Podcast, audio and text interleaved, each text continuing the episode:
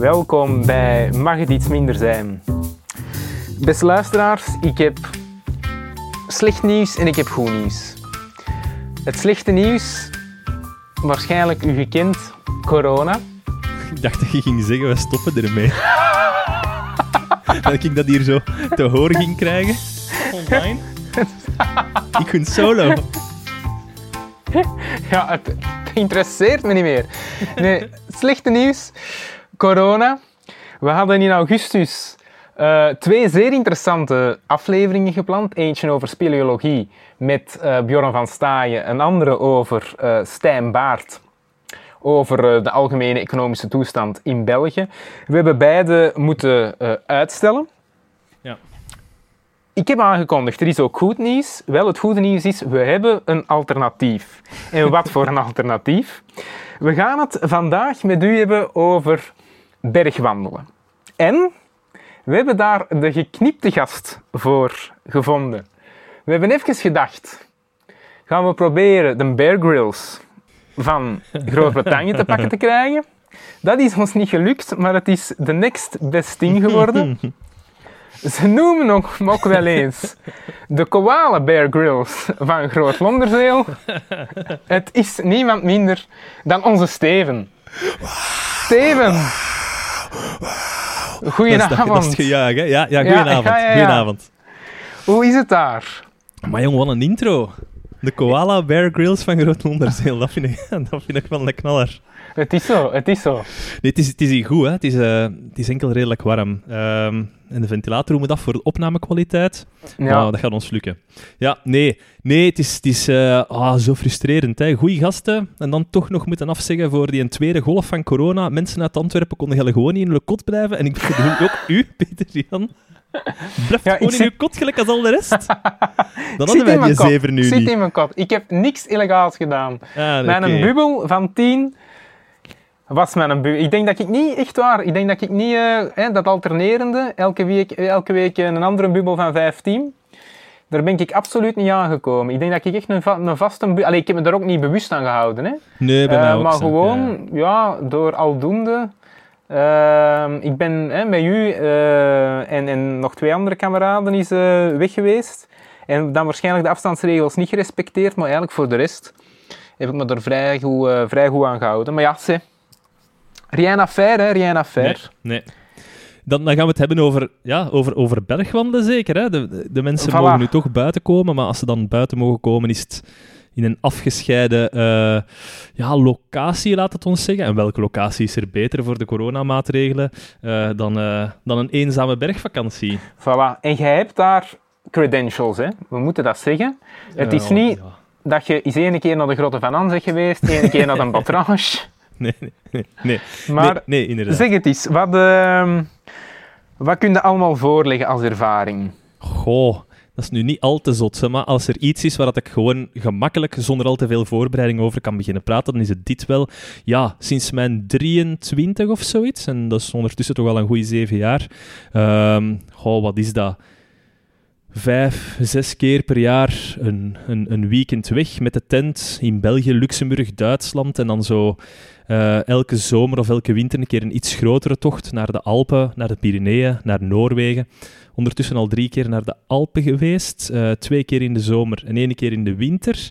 Eh. Twee keer naar de Pyreneeën en drie keer naar Noorwegen. De Noorwegen Oei. was een tweede, ja, de tweede grote buitenlandse vakantie voor mij in de, in de natuur. En dat was gewoon meteen een insta-crush. Dat, ja, dat, dat pakte meteen, Noorwegen. Hoe zijn er eigenlijk toe gekomen? Want dus je bent op je 23 ehm, begonnen. Wat heb je dan die eerste 23 jaar van je, van uw leven gedaan, eh, Steven? Was dat Center Parks of... eh, Nee, dat was, dat was studeren. Dat was studeren en werken in de zomer. Ja, ja, ja. En op het einde, op het einde van de studies zaten we op café, hè, waar het alle goede plannen beginnen. En dan met een aantal kameraden afgesproken, komen we pakken gewoon alles wat dat we hebben en we gaan een wandeltocht doen in de Alpen. Dan zijn we toen naar uh, Natuurpark uh, de Kera gegaan. Mm -hmm. en dat was de GR54. en dat is echt een van de moeilijkste GR's uit, uit gans de Alpen. Dus dat was al direct een hele zware dat we daar gedaan hadden. Ook totaal onvoorbereid met een tent van de Aldi zijn we daar naartoe gegaan. En dan begon dat s'nachts te regenen. Uiteraard die tent onder water. En lagen we daar met drie man in. Ja. En ja, dan moet je genoodzaakt overschakelen tot lepeltje, lepeltje. Dat er toch nog, ah ja, dat er toch nog geslapen kan worden. Het ehm, betere festivalgevoel eigenlijk. Ja, ja, eigenlijk wel, maar dan, dan uh, in het midden van de bergen. Ja. Uh, voilà. Maar uh, allemaal overleefd. Ja, ja, ja er, waren wel wat gevaar, er waren wat gevaarlijke stukken bij. Um, maar al, ja, al gaandeweg beginnen toch wel die gevaren een beetje in te zien. En, en, en kun je daar ook wat op voorbereiden. Ja. Maar zeg, dus je spreekt over Alpen, Pyreneeën, Noorwegen. Ja ik zou denken, goh, wat is het verschil? Hè? Dat is alle drie bergen, alle drie, alle drie, alle drie sneeuw. Ja, ja, ja. Wat is, is daar een, uh, een, een groot verschil tussen, ja, tussen de drie locaties? Er is, een, uh, er is een heel groot verschil. De Alpen is...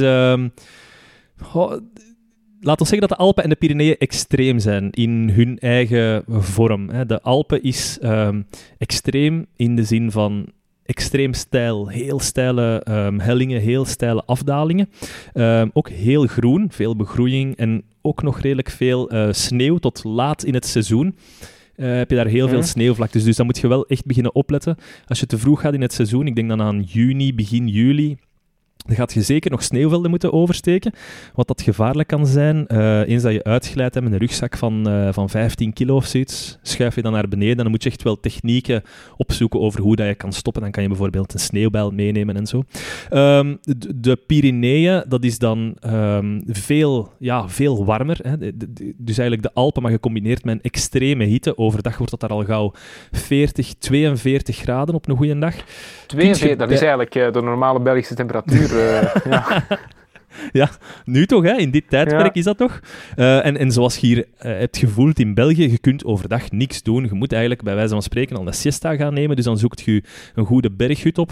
En dan ga je daar een paar uur uh, rusten door gewoon gezelschapsspelletjes te spelen of zoiets. Ondertussen iets proberen te eten. Er zijn ook nadelen aan verbonden. Dat is in, in de Pyreneeën eens dat je de Spaanse kant bereikt, dan niemand, niemand nog Frans of Engels praat. Dat is uniek Spaans dat er daar wordt gesproken. Maar dat, dat is echt aan mijn tand. We gingen daar naar die toog. We bestellen daar eten. Hè. Ik doe het teken van eten. Ik ben nu met mijn, eh, met mijn hand naar mijn mond aan het, uh, aan het wijzen. Ja, ik kan bevestigen dat dat een universeel ja. teken uh, van eten is. Ja. En die madame zo, ja, ja, ja. Of althans het equivalent in, in het Spaans. En, uh, en, en, en een 40 minuten later zagen wij andere mensen geserveerd worden. En wij nog altijd niet. We dachten, ja, oké, okay, wij zullen misschien een iets latere shift zijn.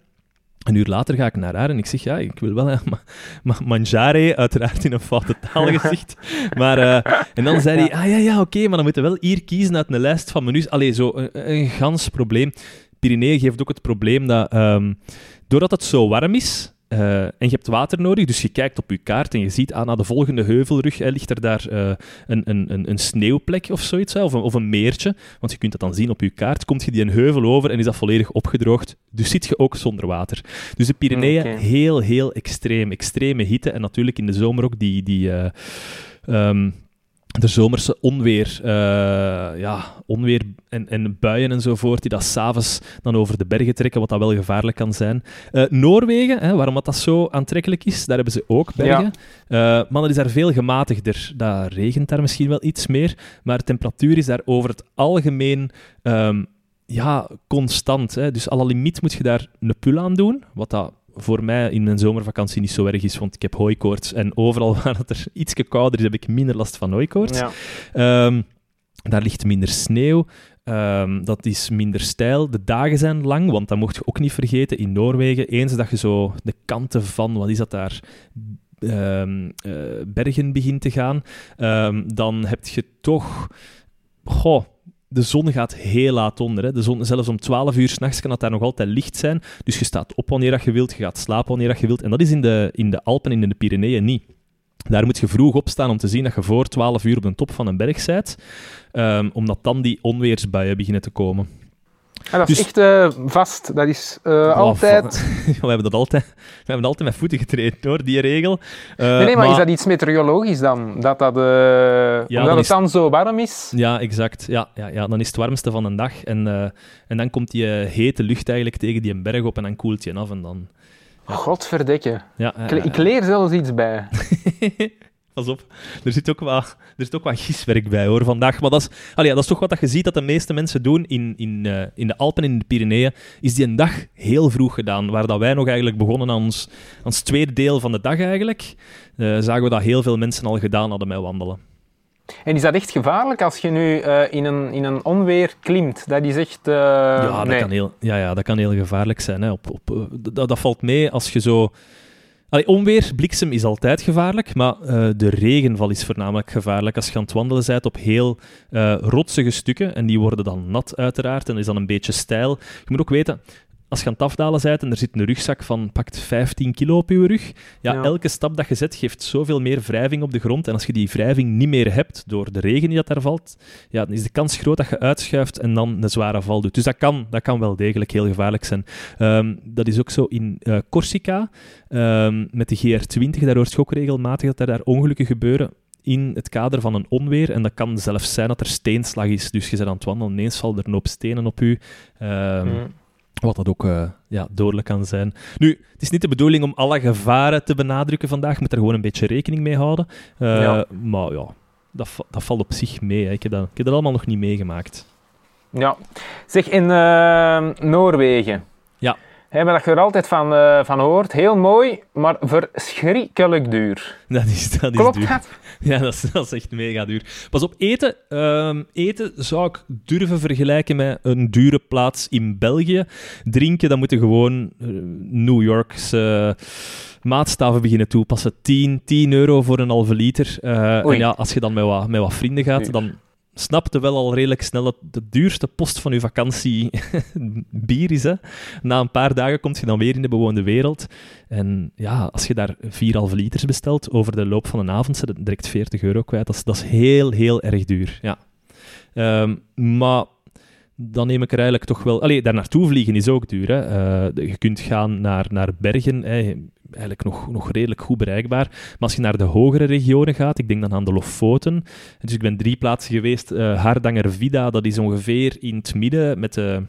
eh, ehm, dat is daar met de fjorden, heel mooi gebied. Eh ietsje hoger, als je dan naar de kanten van... ehm, ehm, wacht even, dan moet ik even opzoeken. Trondheim, ja, Trondheim gaat. Dan zit je in de Trollheimen, het, het land van de trollen. Eh, een heel mooi Ah, Oké, dat betekent ook echt het land van de trollen. ja, ja, ja, ja, ja, ja. daar staat ook een, een stenen troll in, Trollheimen. Eh, een hele hoge, een hele grote. Heel mooi echt landschap. een, allee, natuurlijk uitgehouden, zo met erosie? Of, nee, of nee, met steentjes op elkaar gezet. Ja, ja, Ah, kunstwerk. ja. ja. Ehm, heel groot natuurgebied, eh, heel zompig ook. Dat herinner ik mij vooral nog aan die vakantie. Elke stap dat je zet is zo... Allee, kunt u wel Ja. inbeelden. En dan de laatste vakantie, vorig jaar, ben ik eh, met de Philippe, hè, mijn eh, getrouwe compagnon, ehm, naar de, de flipper, naar de Lofoten gegaan. En de Lofoten is dus een eilandgroep in de, eh, in de Poolcirkel. Ongelooflijk mooi om te doen, maar misschien niet echt aan te raden voor wandelaars, voor langdurige wandelaars. Want dat is eigenlijk eh, ja, dat is een eilandgroep, je moet je dat inbeelden. Je hebt zee en dan ineens steile rotsen die daar uit die zee komen. Dus je kunt je inbeelden, er zijn niet zo overdreven veel wandelroutes. En je moet ook Ah, ja, redelijk vaak teruggaan naar de bewoonde wereld om een bus te nemen naar het volgende eiland. Ehm, of liften, wat dat wij deden. Liften was eigenlijk nog het gemakkelijkste van allemaal. Maar dus die wandeltochten, daar kan je ongeveer... Het langste wat we daar gedaan hebben is eh, twee, twee, eh, drie dagen stappen vooraleer dat we terug iets tegenkwamen. Dus als je echt zeven of acht dagen of veertien dagen weg wilt zijn zonder dat je bewoonde wereld ziet, is dat misschien niet de beste plaats. Ik denk dat de Lofoten beter is om met een auto door te rijden en dan af en toe eens eh, de tent uit een auto te nemen en een tweedaagse te doen, bijvoorbeeld de bergkam over en dan op zo'n prachtig strandje te gaan liggen tussen de bergen met uitzicht Ja. op de zee en dan de volgende dag terug te gaan naar uw auto en voor te rijden. Ja. Dat zijn allemaal eilandjes? eh, Allemaal eilandjes achter Ah, ja, elkaar. ja, ja. Maar en, en hoe deed je dat dan? Dus je stak zo'n eiland over en dan gaat je met een boot naar het volgende? Of... Met een boot of met een bus of liften naar het volgende eiland. Want ja, dat maar is met een bus, hoe, hoe raakt je nu over dat water? Eh, er, er, er, er is een, eh, er is een eh, autosnelweg. Ehm, Ah, oké. allee, een autosnelweg, ja, zo'n soort ja, een, een brug, maar met geen wandelpad. Je zou kunnen zeggen, je kunt dat ook overwandelen. Dat gaat, maar als je 20 kilometer moet wandelen, ja, dan zit je al gauw, wat is dat, vier, vijf uur onderweg. En dan zit al bijna een ganse dag kwijt met dat stuk gewoon te wandelen. Een brug van 20 kilometer. Nee, nee, nee. Ja, die, die brug die is maar twee kilometer lang, maar eer dat het volgende Ja. wandelpad begint, zijn we weer al... ja. Ja. Is dat dan? 18 kilometer verder of zo. Ehm, dus je moet echt het openbaar vervoer nemen, boten nemen of met mensen meeliften om te kunnen beginnen naar de volgende wandeltocht. Het probleem in die Lofoten is ook, die wandeltochten zijn daar totaal niet goed... ehm, onderhouden, ook omdat het daar niet zo populair is om te gaan wandelen. En het nadeel is, daar lopen veel schapen rond. Dus die schapen die maken hun eigen paadjes. Dus het is heel moeilijk om te weten waar exact dat het pad is. Maar dat is natuurlijk wel belangrijk, omdat als je op een pad wandelt, dat faciliteert echt wel eh uw wandeltocht. Eh, je, je wandelt veel sneller als je een pad moet volgen, dan dat je gewoon uw weg moet proberen te volgen door, eh, door de struiken of door het gras. Ja, ja, ja, ik kan begrijpen. Zeg, als ik eh, nu morgen zou willen beginnen met te wandelen en ik Ja. zoek zo een instapreis, Ja. wat zou je dan eh, aanraden? Zou je dan Alpen, Pyreneeën of Noorwegen? Eh, de Alpen. Ik zou de Alpen doen. De Alpen is het gemakkelijkste. Kun je morgen nog naar de decathlon gaan, al uw gerief bij elkaar slaan. dan is het gewoon een... goh, wat is dat? 7, 8 uur rijden en je zijt er. En, en vandaar kun je gewoon beginnen. Nu, ehm, dan moet ik er wel bij zeggen, ehm, de Alpen, als je wilt gaan wildkamperen, is de Franse Alpen het beste. Hè? Eens dat je naar de Oostenrijkse of de Zwitserse Alpen gaat, dan moet je toch al iets meer beginnen opletten. Daar zijn ze veel strenger op. Op bepaalde gebieden in Frankrijk ook, maar je kunt dat op voorhand al controleren. En dan moet je Dus echt in, wild eh, kamperen, voor alle duidelijkheid, is eh, buiten een camping, hè? Ja, wild kamperen Ja. is gewoon je tent opzetten eh, waar je wilt. Eh, dus als je naar de, de, de, de Oostenrijkse of de Zwitserse kant gaat, dan zou je normaal al moeten gaan reserveren bij een berghut. En die zitten ook al maanden op voorhand vol. Dus voor gewoon de spontane vakantie zou ik zeggen, ga naar de Franse Alpen. Ehm, maar kies u natuurlijk wel, allee, weet waaraan dat je begint. Je moet dat niet doen als je, als je geen goede conditie hebt. Je moet echt wel een goede stap- of loopconditie hebben om dat te kunnen doen. Ah, ja, dat interesseert mij wel. Eh, want ik weet, jij bent ooit eens bezig geweest tegen mij. eh, maar misschien was er natuurlijk een portie overdrijving bij. u, niet, u niet onbekend. Nee, nee. Maar jij, jij hebt eens tegen mij gezegd, hè, als je daar naar boven bent aan het wandelen, dan benaderde een hartslag van 160 ehm, slagen per minuut. Heb ik dat ooit gezegd? Jij hebt dat ooit gezegd, wat Ja, mij, dat- bij mij echt een, een, een afschrikkend effect had van 160, eh, 160, dan ben ik aan het lopen. Ja, nee, dat is echt, dat is echt zwaar. Als je, allez, je moet weten, je zet met een rugzak van... Ik zeg nu altijd een rugzak van rond de, wat is dat, 14 tot 17 kilo. Het hangt een klein beetje... Het, het grootste gewicht van je rugzak is het eten dat je meeneemt. Als jij van zin zet om eh, zelf al je eten mee te nemen voor vijf, vijf dagen of zoiets, dan heb je een hele zware rugzak. Ehm, en, en dat gecombineerd met, je zit sowieso al op een iets hogere hoogte, dat je nog niet gewend bent, hè, want de eerste dag begint je te wandelen, dus dat is al direct ehm, heel vermoeiend. Eh, vaak ook tegen de middag zit je boven de boomgrens, dus dan brandt de zon gewoon op u, waardoor dat het nog vermoeiender wordt. Hè. Die hitte, je begint te zweten, en dat is heel, eh, heel grote aanslag op je lichaam. Eh, Dus dat is inderdaad wel, wel, wel heel vermoeiend. Maar eens dat je in die cadans zit, kun je ook wel blijven gaan. Het is allee, allemaal natuurlijk als je een goede conditie hebt. Hè. Dus ik ga niet Ja. aanraden, doe dat, doe dat als, je, als je erop voorbereid bent, conditiegewijs, of als je al een goede basisconditie hebt van een andere sport of zo. Ah, wel, wat moeten zo kunnen, denkt je? Eh 10 kilometer lopen, zoiets? Zonder, eh, zonder dood te gaan. Zonder dood te gaan, ja. Dan moet, je, moet gemakkelijk 10 kilometer kunnen lopen. Ehm, ik heb een paar jaar geleden, toen dat we naar de eh, Alpen teruggingen, ja, dan had ik mij voorbereid met fietsen. Dus eh, met het commuten naar het werk, eh, heen en terug. En dat was toch een... toen had ik een heel goede conditie, dus dat viel allemaal wel goed mee. Maar op het einde van de vakantie had ik eh, niet door dat eigenlijk met het fietsen traint je niet echt heel sterk je knieën en zeker en vast ook niet je enkels. Dus mijn enkels die lagen op het einde van die vakantie, god, die, die deden pijn echt.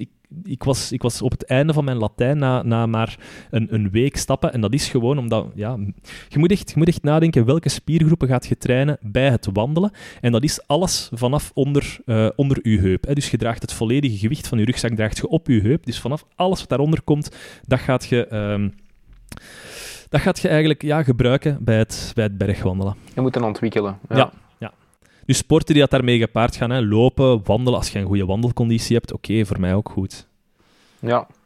Zeg, en je waart er juist bezig over eh, dat eten. Hè? Ja. Eh, mee te sleu- Is er een alternatief eh, voor het mee te nemen? Nee, toch neem ik aan, als je daar in de, berg, als je daar in de bergen zit. Nu, de McDonald's heeft een lange arm, maar Ja. ik neem aan Er zijn dat ze daar nog alternatieven. niet zijn. Ja, ja, er zijn Ja? zeker alternatieven. Ehm, Een beer schieten. er lopen veel schapen rond. Ah, als je snel bent. Eh, d- er zijn alternatieven. Je kunt... Er zijn altijd mogelijkheden om van de route af te takken om terug naar een dorpje te gaan. Dus je kunt dat doen, maar dan verliest je heel veel tijd door eh, terug af te zakken naar de vallei en dan terug in de vallei naar boven te klimmen tot op het wandelpad. Eh, wat dat je ook kan doen, dat is eh je baseren op de berghutten. Dus je hebt, je hebt, met de berghutten geven je heel veel vrijheid. Hè. Je kunt er slapen. Als je op voorhand reserveert, kun je er slapen. Ehm, je kunt er ook ontbijten, avondeten. Dus zelfs als je er niet blijft slapen, kun je kiezen om er eh, te eten s'avonds. Dus dat is een heel lange tafel met iedereen. En iedereen krijgt dan hetzelfde gerecht. Dat is dan vaak drie, drie gangen of zoiets. Eh, gewoon eh, een salade en dan een stukje vlees. En dan daarna nog een puddingsken of zo, wat dat je kan krijgen. En dan kan je En ook hoe voor de hoog zitten dan? Dan zitten echt in de bergen. ja, ja dat, is, dat is 2000 meter, 2500 meter. Ja, ja, dat, is, dat zijn redelijk hoge ehm, hutten die moeten worden bevoorraad met, oftewel een kabelbaan als er een is, of met de helikopter, of met de quad. Serieus? Eh, ja, ja, ja, dus... Amai. Maar is dat dan ook niet duur? Als Ja. met een helikopter... Ah ja, oké, daar wou er ja. niet op komen. Dat is ja. allemaal wel redelijk duur, ja. Maar dat is wel tof als je daar een keer een, fris pintje kunt drinken of zo als je daartoe komt. En je kunt ook in die berghutten eh, een lunchpakket meenemen voor de volgende dag. Dus je, s ochtends, Ah, allee, oké. s'avonds zeg je dan ik zou graag een lunchpakket hebben en dan maken ze dat klaar. En de volgende ochtend kan je dan meenemen tot aan de volgende berghut. Op die manier kun je echt heel veel gewicht besparen. Wat dat je ook kan doen, dat is bij heel veel berghutten kun je je tent opzetten buiten de berghut. Hè. Dus gewoon op de, de pelouse rond de berghut. En voornamelijk in, in Spanje was dat waar dat we naartoe gingen, naar de, eh, naar de Ordesa-vallei, eh, aan de Monte Perdido. Daar komen ze u om acht uur eh, wekken aan uw tent, omdat ze zeggen, ja, mannen, er gaat binnenkort een, een wachter, een parkwachter langskomen, en als er iemand ziet dat er hier nog een tent staat na acht uur of na negen uur, whatever dat het is, dan, dan krijg je daar een boete voor. Dus als er een mogelijkheid is om je tent op te zetten naast een berghut, zou ik dat altijd aanraden om te doen. Dat is het leukste. Je hebt daar vers water, waar dat je niet voor moet betalen. Ehm, de mogelijkheid om te douchen, waar je waarschijnlijk wel voor moet betalen.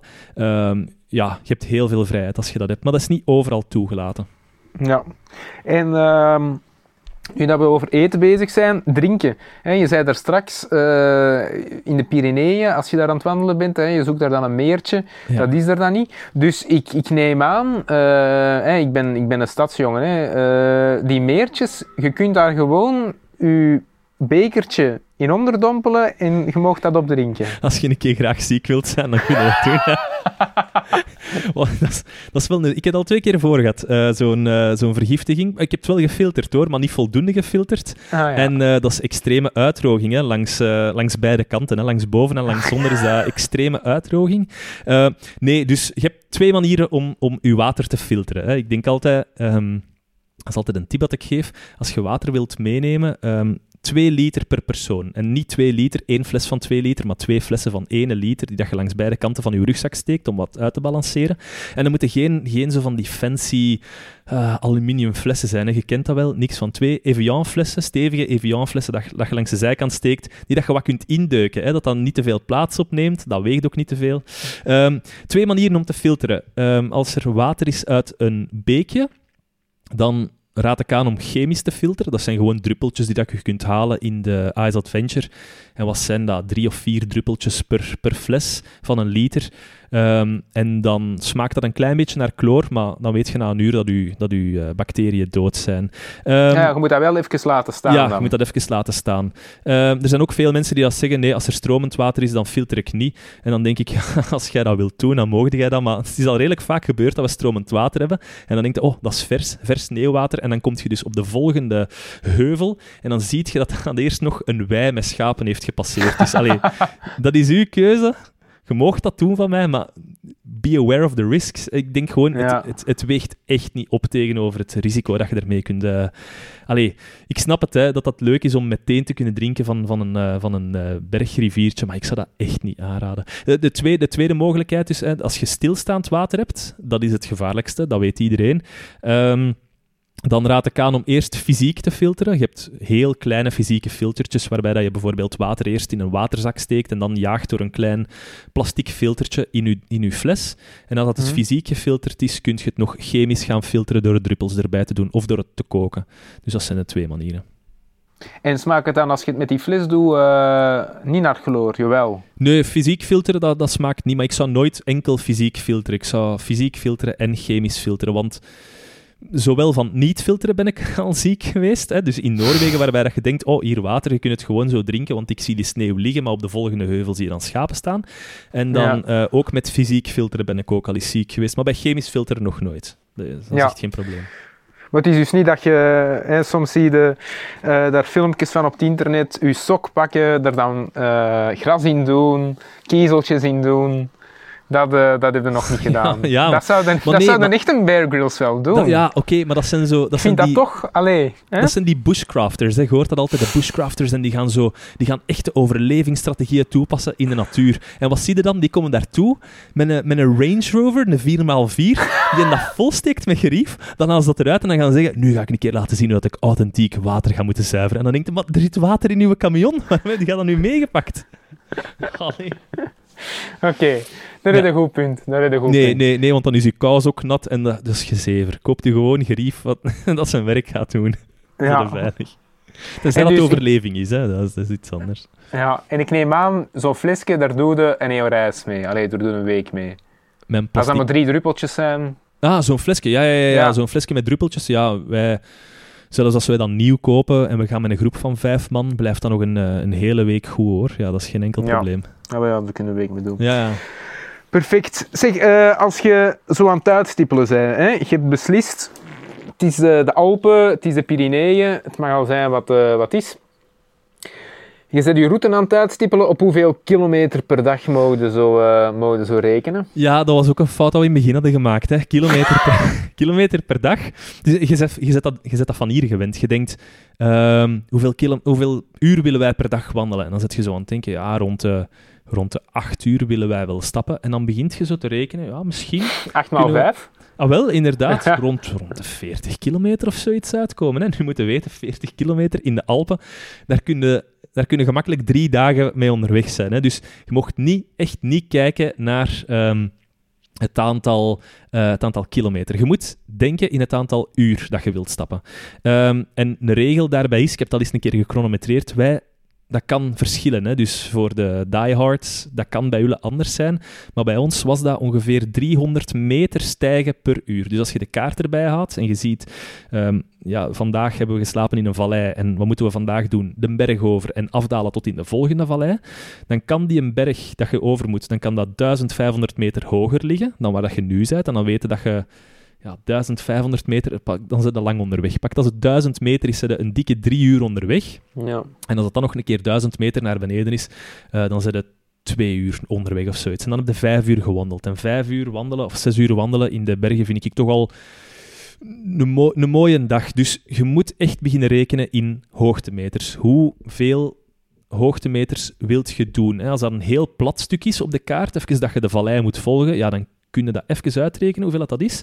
En dan kun je toch wel gemakkelijk 4 kilometer per uur wandelen. Dus dan gaat het, dan gaat het wel. Ja, maar dus in de bergen vooruit. zijn ook ehm, de... Frankrijk. Frankrijk is het, eh, is het wandelland bij uitstek, denk ik. eh, de, de Pyreneeën, eh, de, de Alpen. Ehm, en daar staan dus de afstanden naar de volgende locatie eh, uitgedrukt in het aantal uur dat je moet wandelen. Dus nooit in het aantal kilometer, altijd in het aantal uur dat het u nog duurt. En dat Ja. komt echt verbazend goed uit, want vaak denken we, amai, dat is eh, twee uur en een half, daar gaan we nooit twee uur en een half over doen. Maar als je dan een keer kijkt, je hebt, je hebt wat stilgezeten, je hebt wat water gezuiverd, even wat bekomen, het zit er toch altijd heel dicht tegen, hoor. Ehm, Ja. ja. En ehm, je zei er juist, best de regel is, voor 12 uur moeten op eh, de berg staan. Dat is Ja. Hè, dus omdat het zo warm is eh, in de namiddag. Maar Ja. wat doe je dan? In de, nam in de namiddag daal je dan af.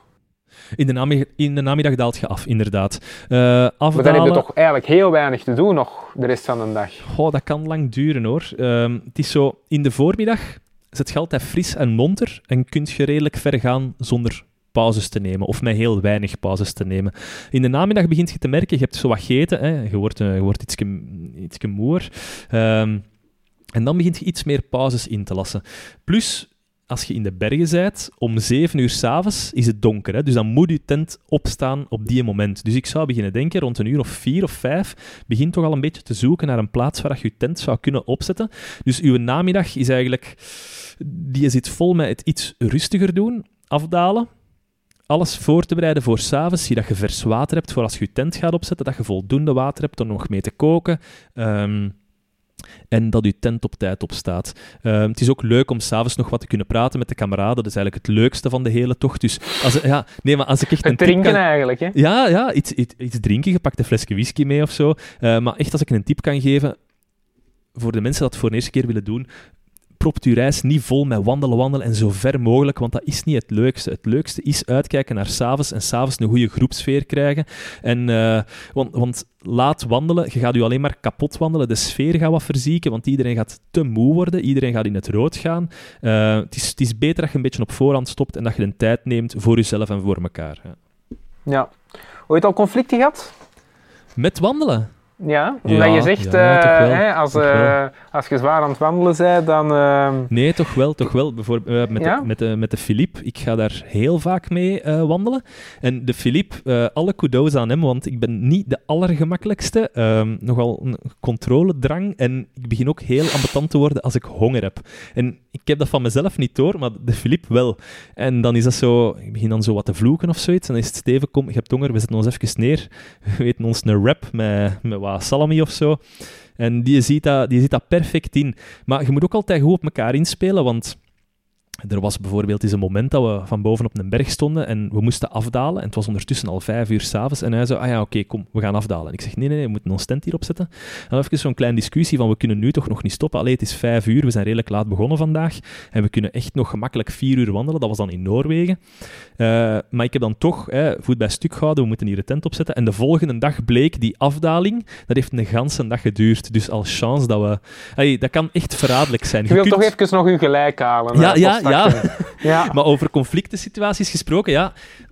Af en toe moet dat toch wel met elkaar proberen uit te praten. Ehm, en, en ook gewoon uw ongelijk toegeven. En toegeven, eh, ik zeg dat tegen de Filip, eh, chapeau dat hij nog altijd met mij wilt gaan. Want eh, hij weet het, als ik honger heb, dan, dan ben ik niet te genieten. En die kan dat zo inschatten. Als je honger hebt, ja, is. Ja. inderdaad. Ja. Ja, ja, ja, Voor de rest eh, valt het allemaal goed mee. Maar, maar fysieke agressie eh, is, Nog er, nooit, is er... nooit, Nog nooit, nooit. nog nooit. Houd vasthouden. Ja.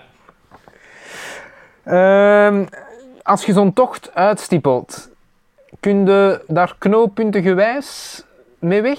Heb je daar een site waar dat je gewoon dan, eh, hè, zoals je hier in, in Vlaanderen, als je gaat fietsen, alleen Vlaanderen-België, Ah ja, gewoon eh, de, fietsknooppunten. kno- de, knooppuntjes kunt selecteren? Nee, nee, dat bestaat niet. Nee, nee, wandelen is echt... ehm, als je daar nieuw mee begint, dan is dat echt een bos. Eh, een bos waar je, waar je de weg echt niet in kunt terugvinden. Dus ik zou aanraden om naar gespecialiseerde websites te gaan. Hè. Er bestaat eh, een website hikingadvisor.be. Ik ga dat hier vandaag nog een paar keer zeggen. En voor alles wat ik hier vandaag zeg, alles is min of meer wel al besproken geweest op Hiking Advisor en veel meer in detail. Ehm, daar heb je een overzichtskaart van verschillende gebieden. Ehm, eh, ik denk dan aan gewoon eerst de continenten en nadien de landen en nadien de gebieden in die landen. Waarbij dat ze zeggen welke tochten dat er ongeveer allemaal mogelijk zijn, hoe lang dat die duren, met een fotoverslag erbij van alle leden. Echt heel, heel goed opgezocht. En nadien kun je specifiek beginnen zoeken op die eh, tocht die dat je wilt wandelen. Kan je daar een specifieke brochure van bestellen of stapkaarten. En op die stapkaarten staan dan de rood-wit wandelingen. Hè. Meestal is dat met de GR-wandelingen. Ehm, de grote routepaden is dat hier in, eh, in België, hebben we dat ook. En dat is altijd, als je, als je weet dat je op zo'n wandel, eh, op zo'n stuk bezig bent, een rood-wit wandeling, dan zet je meestal wel veilig. Hè. Dat is altijd in orde. Je moet wel opletten met de, de afwijkingen, hè? De, de, de stippenlijntjes bijvoorbeeld. Want heel vaak denken we, oh, we zien daar zo'n stippenlijn lopen en die loopt dan even door een iets hoger gebied. Uh, als we die afwijking nu eens een keer nemen, en ik weet nog dat Filip en ik dat hadden gedaan in, uh, in de Pyreneeën we wat die stippenlijn volgen en we beginnen eraan. Eerst een heel mooi stuk naar boven en dan begint de afdaling. Maar daar waren de hoogtelijnen heel dicht op elkaar. En ja, voor iedereen dat het een beetje weet, vanaf dat die hoogtelijnen dicht tegen elkaar staan op de kaart, weet je dat een heel stijl stuk naar beneden is. En dat was echt onmogelijk om te doen met een rugzak, maar echt onmogelijk om te doen. Als je het doet zonder rugzak is het nog altijd heel gevaarlijk, want eens dat je uitschuift, ja oké, je valt gewoon honderden meters naar beneden. En we zijn dan ja, moeten terugkeren naar de berghut waar we oorspronkelijk begonnen waren. Uh, dus eigenlijk die een dag verloren. En had ik aan die mannen gevraagd, nu wil ik toch eens weten, hè, die stippellijn, hebben we dat nu echt gemist? En in een van die berghut, ja nee, ik heb dat ook al vijf keer proberen te doen, maar ik weet gewoon niet waar dat pad hier ligt. Er is sowieso geen pad. dus dat is gewoon iemand dat dat ooit eens gedaan heeft en die heeft dan gezegd, hier is het mogelijk om naar boven te gaan. En hebben die mensen op de kaart een stippellijn gezet. Dus dat is, daar kun je niet van uitgaan. Je moet ah al heel goed kaart kunnen lezen om te kunnen inschatten of dat je dat aan kan. Het is dus zeer uh, grassroots ook dat het zich opbouwt. Ja, Als je een route doorstuurt, dan ja, hoe dat, dat juist in elkaar zit, dat weet ik niet 100% zeker. Maar er heeft ooit iemand is die route gedaan en daarmee. Maar dat was echt onmogelijk om te doen met een zware rugzak. Dat moet echt een, een bergklimmer geweest zijn of zo. En moet je enkel vertrouwen op de kaart. Allee, zo de, de, de GR, daar kun je ook uh, de, de vlaggetjes, gezet, rood-wit. Ja, rood-wit. Van, van, uh, van de Antwerp, van kun je daar ook volgen? Dat, dat, dat staat op de, op de stenen staat dat meestal geschilderd. Hè. Nu, um, om ja, je moet altijd, je mocht nooit zomaar baseren op een route, want je weet ook niet waar dat je bent op die route. En je kunt misschien inschatten, we zijn al twee uur aan het wandelen, dus ik denk dat we ja, tien kilometer verder zitten, uh, als het een platte wandeling is tenminste. Maar nee, dat, dat gaat niet. Hè. Dus je moet altijd een kaart mee hebben, kaart en kompas, of een GPS, sowieso. Um, en waarom? ook uh, kompas erbij. Ja, eens dat het een beetje bewolkt is, kun je meer zien waar dat het noorden juist is. En het is altijd heel belangrijk om te kunnen zien. Allee, ik ga het zo zeggen, we zijn al heel vaak op plaatsen geweest Um, waarbij dat je op de kaart kijkt, oké, ik zie een meertje in de verte, ah, dat zal wel dat meertje zijn dat hier vlak naast het pad ligt. Hè. Dus uw, uw, uw gedachten willen altijd dat de realiteit zich conformeert aan wat dat jij denkt dat de situatie is. Hè. Dat dat altijd overeenstemt. Maar je moet, altijd, je moet zelf de, kritisch, de meest kritische geest zijn ten aanzien van je eigen navigatie. Want heel vaak gaat het zo zijn dat je dan plotseling denkt, ja, maar de, de, de, de, om, de, de lijnen eigenlijk rond die rivier, of dat baantje dat daar rondloopt, dat stemt toch niet 100% overeens met de kaart. En dan moet het echt iets in je achterhoofd zijn dat zegt, nee, we zitten fout. Hè. Je bent ergens fout gelopen en je moet opnieuw proberen te zoeken waar dat je nu bent. En dat is echt, je moet heel kritisch zijn voor je eigen. Um, het leuke is natuurlijk, als je een gsm bij hebt, dan kan je gewoon op Google Maps gaan. En Google Maps geeft je een ruwe locatie van waar dat je bent, wat dan meestal wel helpt. Maar in heel veel gevallen heb je geen receptie en kan je dat niet doen. Dus is een GPS wel handig. Of eventueel een sporthorloge waar dat ook een GPS-functie in zit. Ja. ja. en Google Maps gebruiken, ik neem aan dat dat in het milieu not done is. Dat is not done, maar af en dus ik geef, dat nu, ik geef dat nu toe, af en toe doen. Ja, ja, ja. ja. ja nee, uh, mag, mag gezegd worden. Um, zijn er dan al iets verloren gelopen? Mm. Oei, ja, je bent aan het drinken. Ik zal even verloren wachten. gelopen, ah, ja. even wachten. Hè. Um, ja, sowieso zijn we wel verloren gelopen, maar niet echt dramatisch verloren gelopen. Uh, het hoort toch zo... Uh, zijn er geen verhalen van in Schotland en zo? Ja. Dat men gewoon ja. mensen ja. vindt, alleen die verloren zijn gelopen en gewoon gedaan, Kees, Morte. Ja, ja. ja um, wat, dat, wat dat veel mensen niet weten in Schotland is mega gevaarlijk om te gaan wandelen. Hè. Dat is... Um, ten eerste dat klimaat daar. Als, er zijn heel veel mensen dat daar naartoe gaan en die denken, oh, een mooie wandeling in Schotland, we zullen dat wel gaan doen. En die hebben al niet het juiste materiaal mee. Hè? Gewoon sportschoenen. Sportschoenen zijn uiteraard niet bestand tegen water, dus die voeten die worden zo nat als iets. Um, Misschien geen regenjas mee, misschien weinig eten mee. Dat is ook al gebeurd dat mensen op de tocht zijn tegengekomen die dat dan noedels mee hebben, of gewoon noedels, en die dat er echt aan het voorkomen zijn van, van de honger. Gewoon omdat ze denken dat ze een bergwandeling gaan doen. Maar je moet op alles voorzien zijn. Dat is waarom, waarom, waarom dat uw rugzak ook zo zwaar is. En het bijkomende probleem in Noorwegen is heel onherbergzaam. Schotland? Of uh, Schotland, ja. Ik denk Schotland en Noorwegen, omdat dat zo wat qua... Uh, potato. Ja, het lijkt een beetje op elkaar. Hè. Um, er, er, zijn, er, zijn, er is heel veel van die bushes, van die dikke bushes, die dat vaak niet aangeven dat er ergens ehm, een, een diepe put zit of zoiets. Of ergens een spleet tussen twee rotsen, waar dat dan zo een, een, ja, een bush over groeit. En dan kunnen daarin Ah, ja, zakken. Ehm, je kunt voor hebben dat, wat dat we vooral in Noorwegen hebben gemerkt, want ik ben nog niet naar Schotland geweest, maar ik heb dat wel in Noorwegen gezien, dat is, ehm, je hebt de kaart bij je en je probeert je altijd te navigeren aan de hand van de bergen die dat in de buurt zichtbaar zijn. Hè. Je denkt, ah, dat is die ene berg van 3000 meter en dat is die een berg van 2000 meter. Maar in Noorwegen Mhm. zijn al die bergen zo rond de, ja, in dat gebied waar wij waren, rond de 200, 250, 300 meter. Dus die zijn niet verschillend genoeg om u te kunnen plaatsen op de kaart zelf. Dus is het daar wel ineens gemakkelijk om verloren te lopen. En zeker en Want vast op die in kaart heb je Schotland. enkel cijfertjes. Cijfertjes, ja. Cijfertjes en kringsjes. Hè, dus eh, rond elke berg zijn er kringsjes die dat Ja. zo de hoogte aangeven. Dus je kunt wel aan de hand van de, de lijntjes zien of dat er bijvoorbeeld ergens een heuvelrug is. En dan kun je dat wel proberen te zien. Maar ehm, wat dat ook het probleem is in Schotland en in Noorwegen, dat is als je die methode wilt toepassen, ehm, er is altijd ehm, bewolking in Schotland. Dus dat kan zijn dat die bergen in de wolken hangen en dat je dus niet kunt zien welke berg dan net van 300, 400 of zelfs 500 meter is. En daar wordt dan ook alweer gevaarlijk Ja. voor je navigatie. Plus in Schotland, dat weer dat kan daar echt omslaan naar een storm van de ene dag op de eh, van een, eh, het ene uur op het andere. En dat echt mensen hun tenten wegvliegen. Dat ze uit hun tent moeten kruipen, omdat, omdat de tent anders gewoon met hun mee van een berg wordt gesleurd. Die verhalen heb ik al gelezen. Ja, ja, ja, ja. En dan frostbite en heel, heel, eh, heel vieze dingen dat daar kunnen gebeuren. Ja.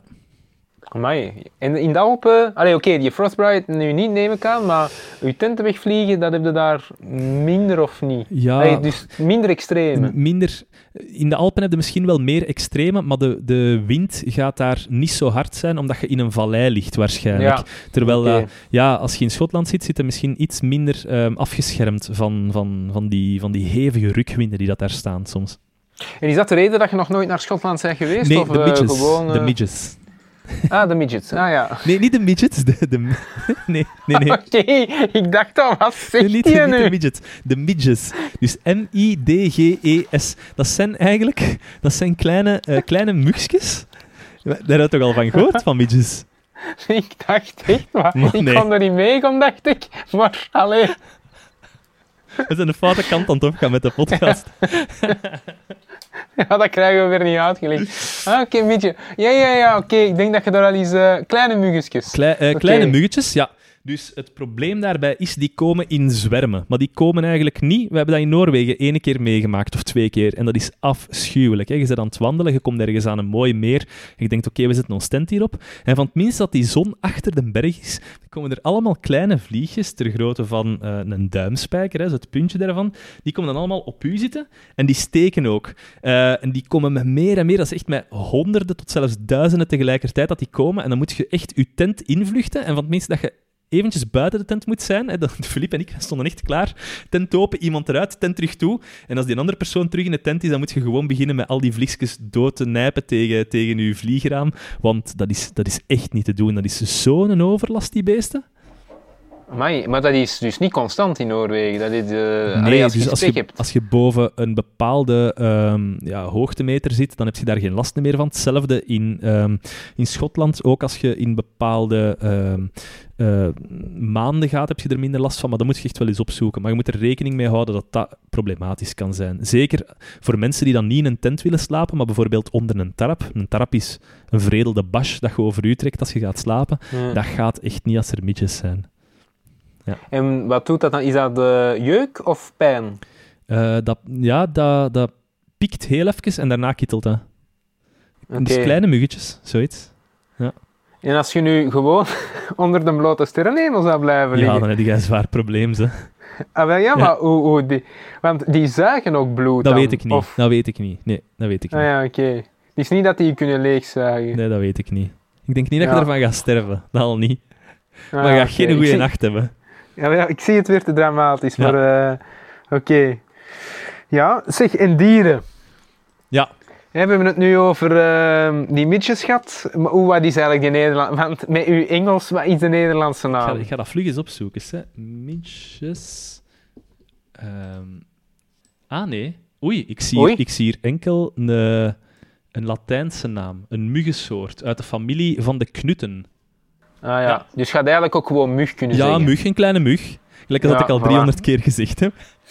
Ah, andere Ja, dieren. Andere dieren was een vraag. Ja, oké. Eh, Ja. goeie, ja, goeie vraag. Wat zit er, wat zit er nog al eh, tegengekomen? Ehm, honden.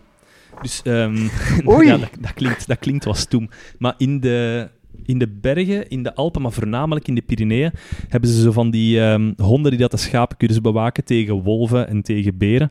Maar dat zijn echt joekels van beesten. Hè. Die zijn... Ik ga nu even... Oh, zo'n herderzond, dat is toch iets klein? Nee, dat zijn geen herderzonnen. Dat zijn, dat zijn echt... Ah. Dat zijn loebassen. Wacht, hoe heet dat nu weer al? Ik ga dat Zijn Bernards? Nee, nee, nee, nee. De Pyreneese berghond is dat. Ah. Ehm, dat mannelijk weegt dat 50 tot eh 54 kilogram. Ehm, en de hoogte tot 80 centimeter hoog. Maar dus Oei. in, je gaat vaak de honden horen vooraleer dat je de schapen, de schapen ziet of de schapen hoort. Want die, die schapen die zitten ja, in hun flok zitten die ergens van boven in de bergen. En uw pad is waarschijnlijk ergens Daar is hij beneden weer of met zo. Engels. Ja. En dan, eh, dan hoort je echt vanuit, vanuit die hoogte die een hond blaffen. Ehm, als ze dichter bij u zitten, kan dat ook problematisch zijn. En dan komen ze naar u. En overal staan er wel waarschuwingsborden als je zo'n natuurgebied binnengaat over hoe dat je met die honden moet eh, omgaan.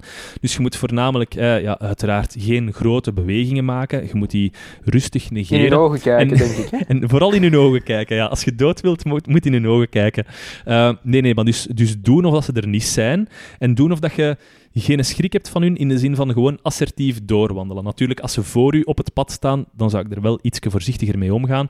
Maar dat kan eh, problematisch zijn, die honden. Zeker als je daar schrik voor hebt. Ehm, want die komen Maar echt... dagen die u uit? Nee, nee, nee, die komen naar u, maar die Ah, zijn gewoon beschermend aan het blaffen. Dus als je dan richting kudde gaat, dan heb je wel een probleem. Oké. dan koeien. Eh, koeien alweer, dat klinkt niet zo gevaarlijk, maar koeien kunnen echt heel gevaarlijke beesten zijn. Ehm, ja, als je kijkt hoeveel mensen dat er per jaar sterven aan koeien, Ja. dat is... Dat is zo een van die stat allee, fun statistics, hè? ja, ja, ja, ja, ik denk zeker Ja. dat je meer kans hebt om gedood te worden door een koe dan door een naai of zo.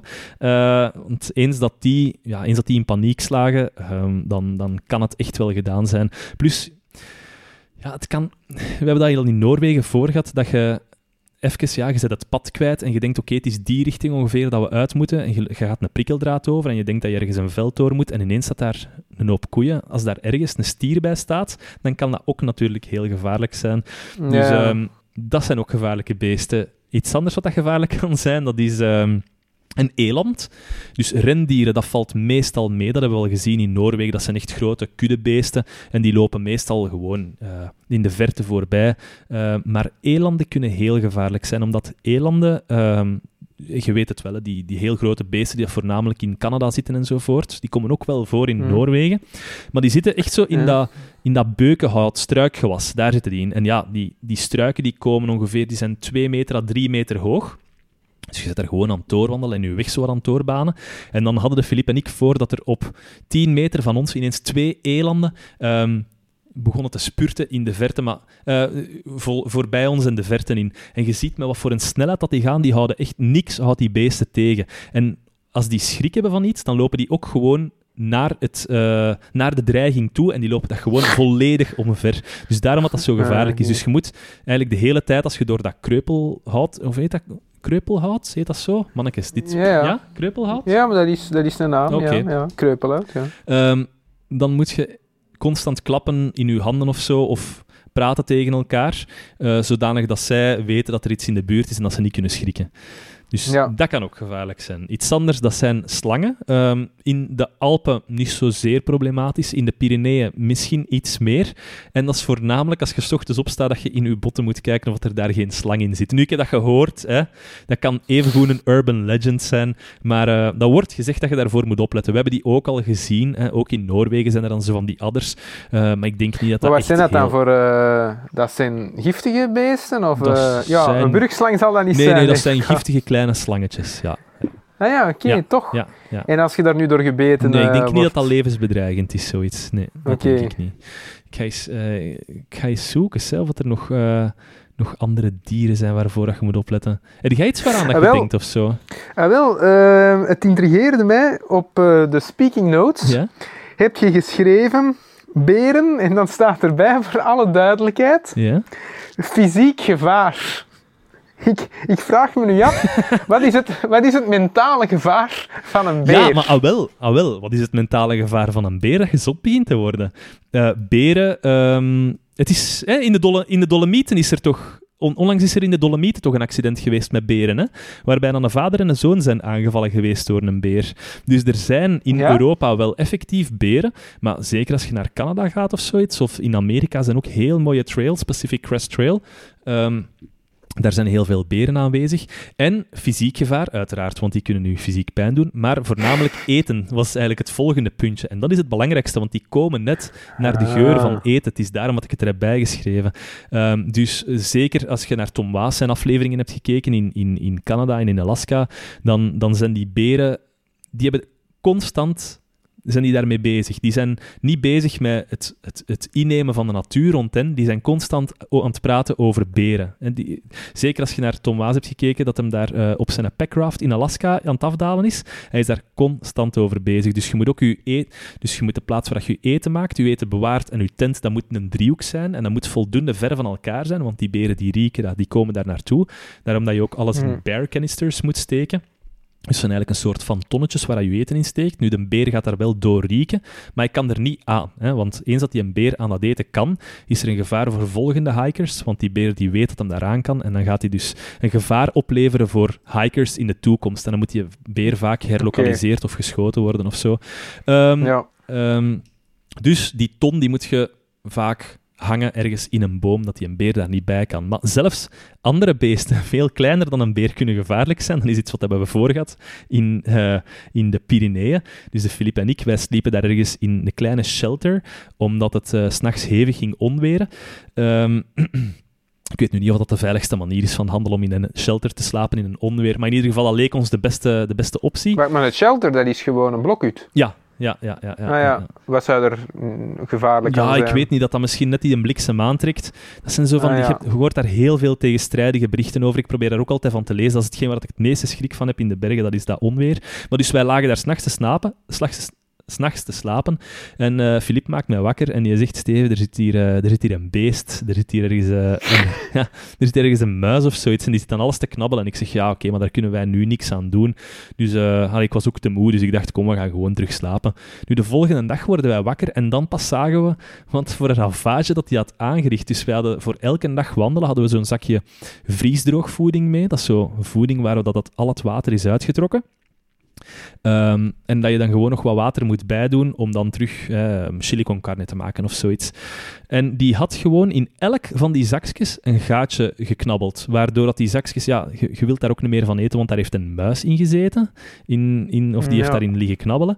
Plus, daar is ook een gat in, in dat zakje, dus je kunt, dat al, je kunt er geen water meer bij doen, want dat loopt daar gewoon uit. Ehm, dus dat is... Dat was, dat was echt een eye-opener van, oké, ook kleine, kleine dieren kunnen een gevaar opleveren. Rechtstreeks gevaar uiteraard niet, hè. Maar je moet er wel rekening mee houden. Dus een tip is... ehm, als je je eten hebt, probeer dat ergens omhoog te hangen. Eh, zelfs voor kleinere beesten, zelfs voor knaagdieren die dat daar ook rieken en die dat daar ook naartoe komen. Nu, in een tent heb ik daar nog nooit last van gehad. Ehm, misschien dat die niet echt zo... Ja, dat die te schuw zijn om je tent binnen te komen, maar als ze het al gewend zijn om in een blokhut te zitten, dan kan het wel zijn dat je, dat je prijs hebt. Ja. Zeg, en eh, qua materiaal. Ja. Je hebt waarschijnlijk eh, verschillende dingen nodig als je zo aan een tocht wilt beginnen. Yep. Ik denk dan bijvoorbeeld aan ja, kleding. Tips en tricks? Kun je er gewoon, ja, wat kun je gewoon je kleerkast in naaien en eh, pakken wat er daar ligt? Dat Nee, gaat. we, hebben, hebben dat de eerste keer gedaan, maar dat is niet plezant. Hè. Als je gaat met een katoenen t-shirt, wat waarschijnlijk al je t-shirts zijn hè, van katoen, dan heb je problemen, want die houden heel veel water op. hè. Je moet eens kijken, als je een katoenen t-shirt uit het wasmachine haalt en je hangt dat gewoon op om te drogen, dat kan echt verschillende dagen duren eer dat dat droog is, tenzij dat in de volle zon hangt natuurlijk. Dus het probleem daarbij is, ehm, die houden heel veel water op, waardoor dat je nat blijft waardoor je heel snel kou kunt krijgen onderweg. En dat het ook heel lang duurt eer dat die uitdrogen. Tegen de volgende dag gaan die niet droog zijn. Plus die beginnen ook te stinken, want daar, ehm, de stank wordt ge- gecreëerd door de bacteriën die daarin in, in groeien. Dus het is eigenlijk Ja. de bedoeling dat je een stof neemt die dat waterdoorlatend is, hè, of in ieder geval geen water ophoudt, en ook een antibacteriële werking heeft. En als je daar naar op zoek bent, dan moet je naar merino-wol gaan kijken. Hè. Merino-wol, iedereen denkt, wat, een wollen t-shirt, maar dat zijn t-shirtjes, dat ziet er niet uit als een wollen t-shirt, maar dat is wel gemaakt van een heel fijne stof. En ehm, dat pikt niet, ik ga dat er al bij zeggen. En dat droogt ongelooflijk snel. Dat stinkt niet, dus je kunt daar een week mee weggaan. En dat heeft geen geurtjes, daar zit geen zweetgeur in, wat dat fantastisch is als je maar twee t-shirts kunt meenemen op zo'n hele tocht. Het nadeel van zo van die voetbal-t-shirtjes of zo van die loop-t-shirts, zo van die synthetische stoffen, dat is... ehm, het voordeel is, die drogen heel snel uit, maar het nadeel is, daar zitten ongelooflijk veel geurtjes aan als je daar een verschillende dagen mee weg bent. Dus Ja. ja. ja, dat kan echt wel problematisch zijn. Eh, Zeg, in die, eh, ja. Sorry, ja, zeg maar hoor. dus, dus de regel is eh, geen katoen. Probeer alles van ehm, synthetische stoffen. eh, een broek bijvoorbeeld in een synthetische stof. Een t-shirt in merino-wol. Kousen mogen... Ja, probeer dat ook in merino-wol te kopen. Op dit moment kost dat echt geen geld meer in de Ice Adventure. Dan stinkt dat Ah, wel, ook dat wou ik vragen, ja. Kostprijs. Want ik hoor altijd dat dat de prijs is, merino. Ja, tuurlijk. Als je, dat in Anderzijds, als je dat in een Ice Ah, wel, Adventure maar gaat kopen, is dat duur. Maar als je in een Decathlon gaat kopen, kost dat u 15 euro per t-shirt. ah, wel, en dat is allebei dezelfde stof. Dat weet ik niet of dat exact hetzelfde is, maar dat is merino-wol. Het Dat staat wel- erop, ja. Het doet wel wat ja, het moet doen. doet wat in het zin zegt. van, Ja. Decathlon eh, spullen, daar kun je ook een week mee weg. ja, ja, En eh, doe juist, het, eh, Nee, juist is- hetzelfde. dat is een goede vraag dat je daar stelt. Als, ehm, wat, wat, kan, wat, wat kun je gaan kopen in een decathlon? Hè? Want er wordt soms eens mijn scheef oog naar die decathlon gekeken vanuit de hardcore hoek. Ehm, je moet weten wat dat je daar gaat kopen. Ik denk, je hebt de beginnende wandelaar die eens wilt kijken of het wel iets voor hem is. Die heeft twee mogelijkheden. Oftewel koop ik alles goedkoop, oftewel koop ik alles duur. Ehm, maar hij heeft ook een tussenmogelijkheid en hij koopt een aantal dingen duur en een aantal dingen goedkoop. En dat is de weg die ik zou aanraden om te doen. Hè. Je kunt alles goedkoop kopen, maar als je het dan plezant vindt, dan ehm, gaat je het uiteindelijk toch moeten vervangen door duurdere dingen, omdat die, ja, die spullen die kennen natuurlijk hun limiet. Hè. Ehm, ik denk ehm, wandelbotten van, van de Decathlon van 50 euro, die wegen niet op tegen wandelbotten van 200 of 300 euro. Daar zit echt gewoon een verschil in. En dat, dat gaat Ja. iedereen u zeggen die dat, dat regelmatig doet, daar zit echt een verschil in. En op de, de zaken die dat belangrijk zijn qua prijs, dat zijn uw rugzak, uw eh, wandellaarzen, hè, uw botten. Ehm, een slaapmatje is heel belangrijk. En daar kan ik Mhm. gewoon zeggen, slaapmatje is eenvoudig. Koopt in een decathlon een slaapzakje van Thermarest van, ehm, van 60 euro. Het beste slaapmatje ooit. Koop niet zo van die zelf opblazende. Hè. Je kent dat wel, dat je het ventieltje moet openzetten en dat die zogezegd zelf opblazen. Dat lukt nooit. Die wegen heel veel. Ehm, die een Thermarest, dat is, je blaast dat volledig op. Dan laat je er een klein beetje lucht uit. Dat, is, dat weegt niks. Dat is, dat is enkel gewoon die buitenkant. En dan ligt dat heel comfortabel. Ehm, Hm. maar daar mocht je dus ook niet op besparen. En dat kost dan 60 euro. Moet je er gewoon aan uitgeven. Maar voor de rest, Ja. ik bedoel, een wandelbroek. Dat kan ook een goedkope wandelbroek zijn van, de- van een Decathlon t-shirt. Van hetzelfde. Kleren kun je eigenlijk wat in besparen.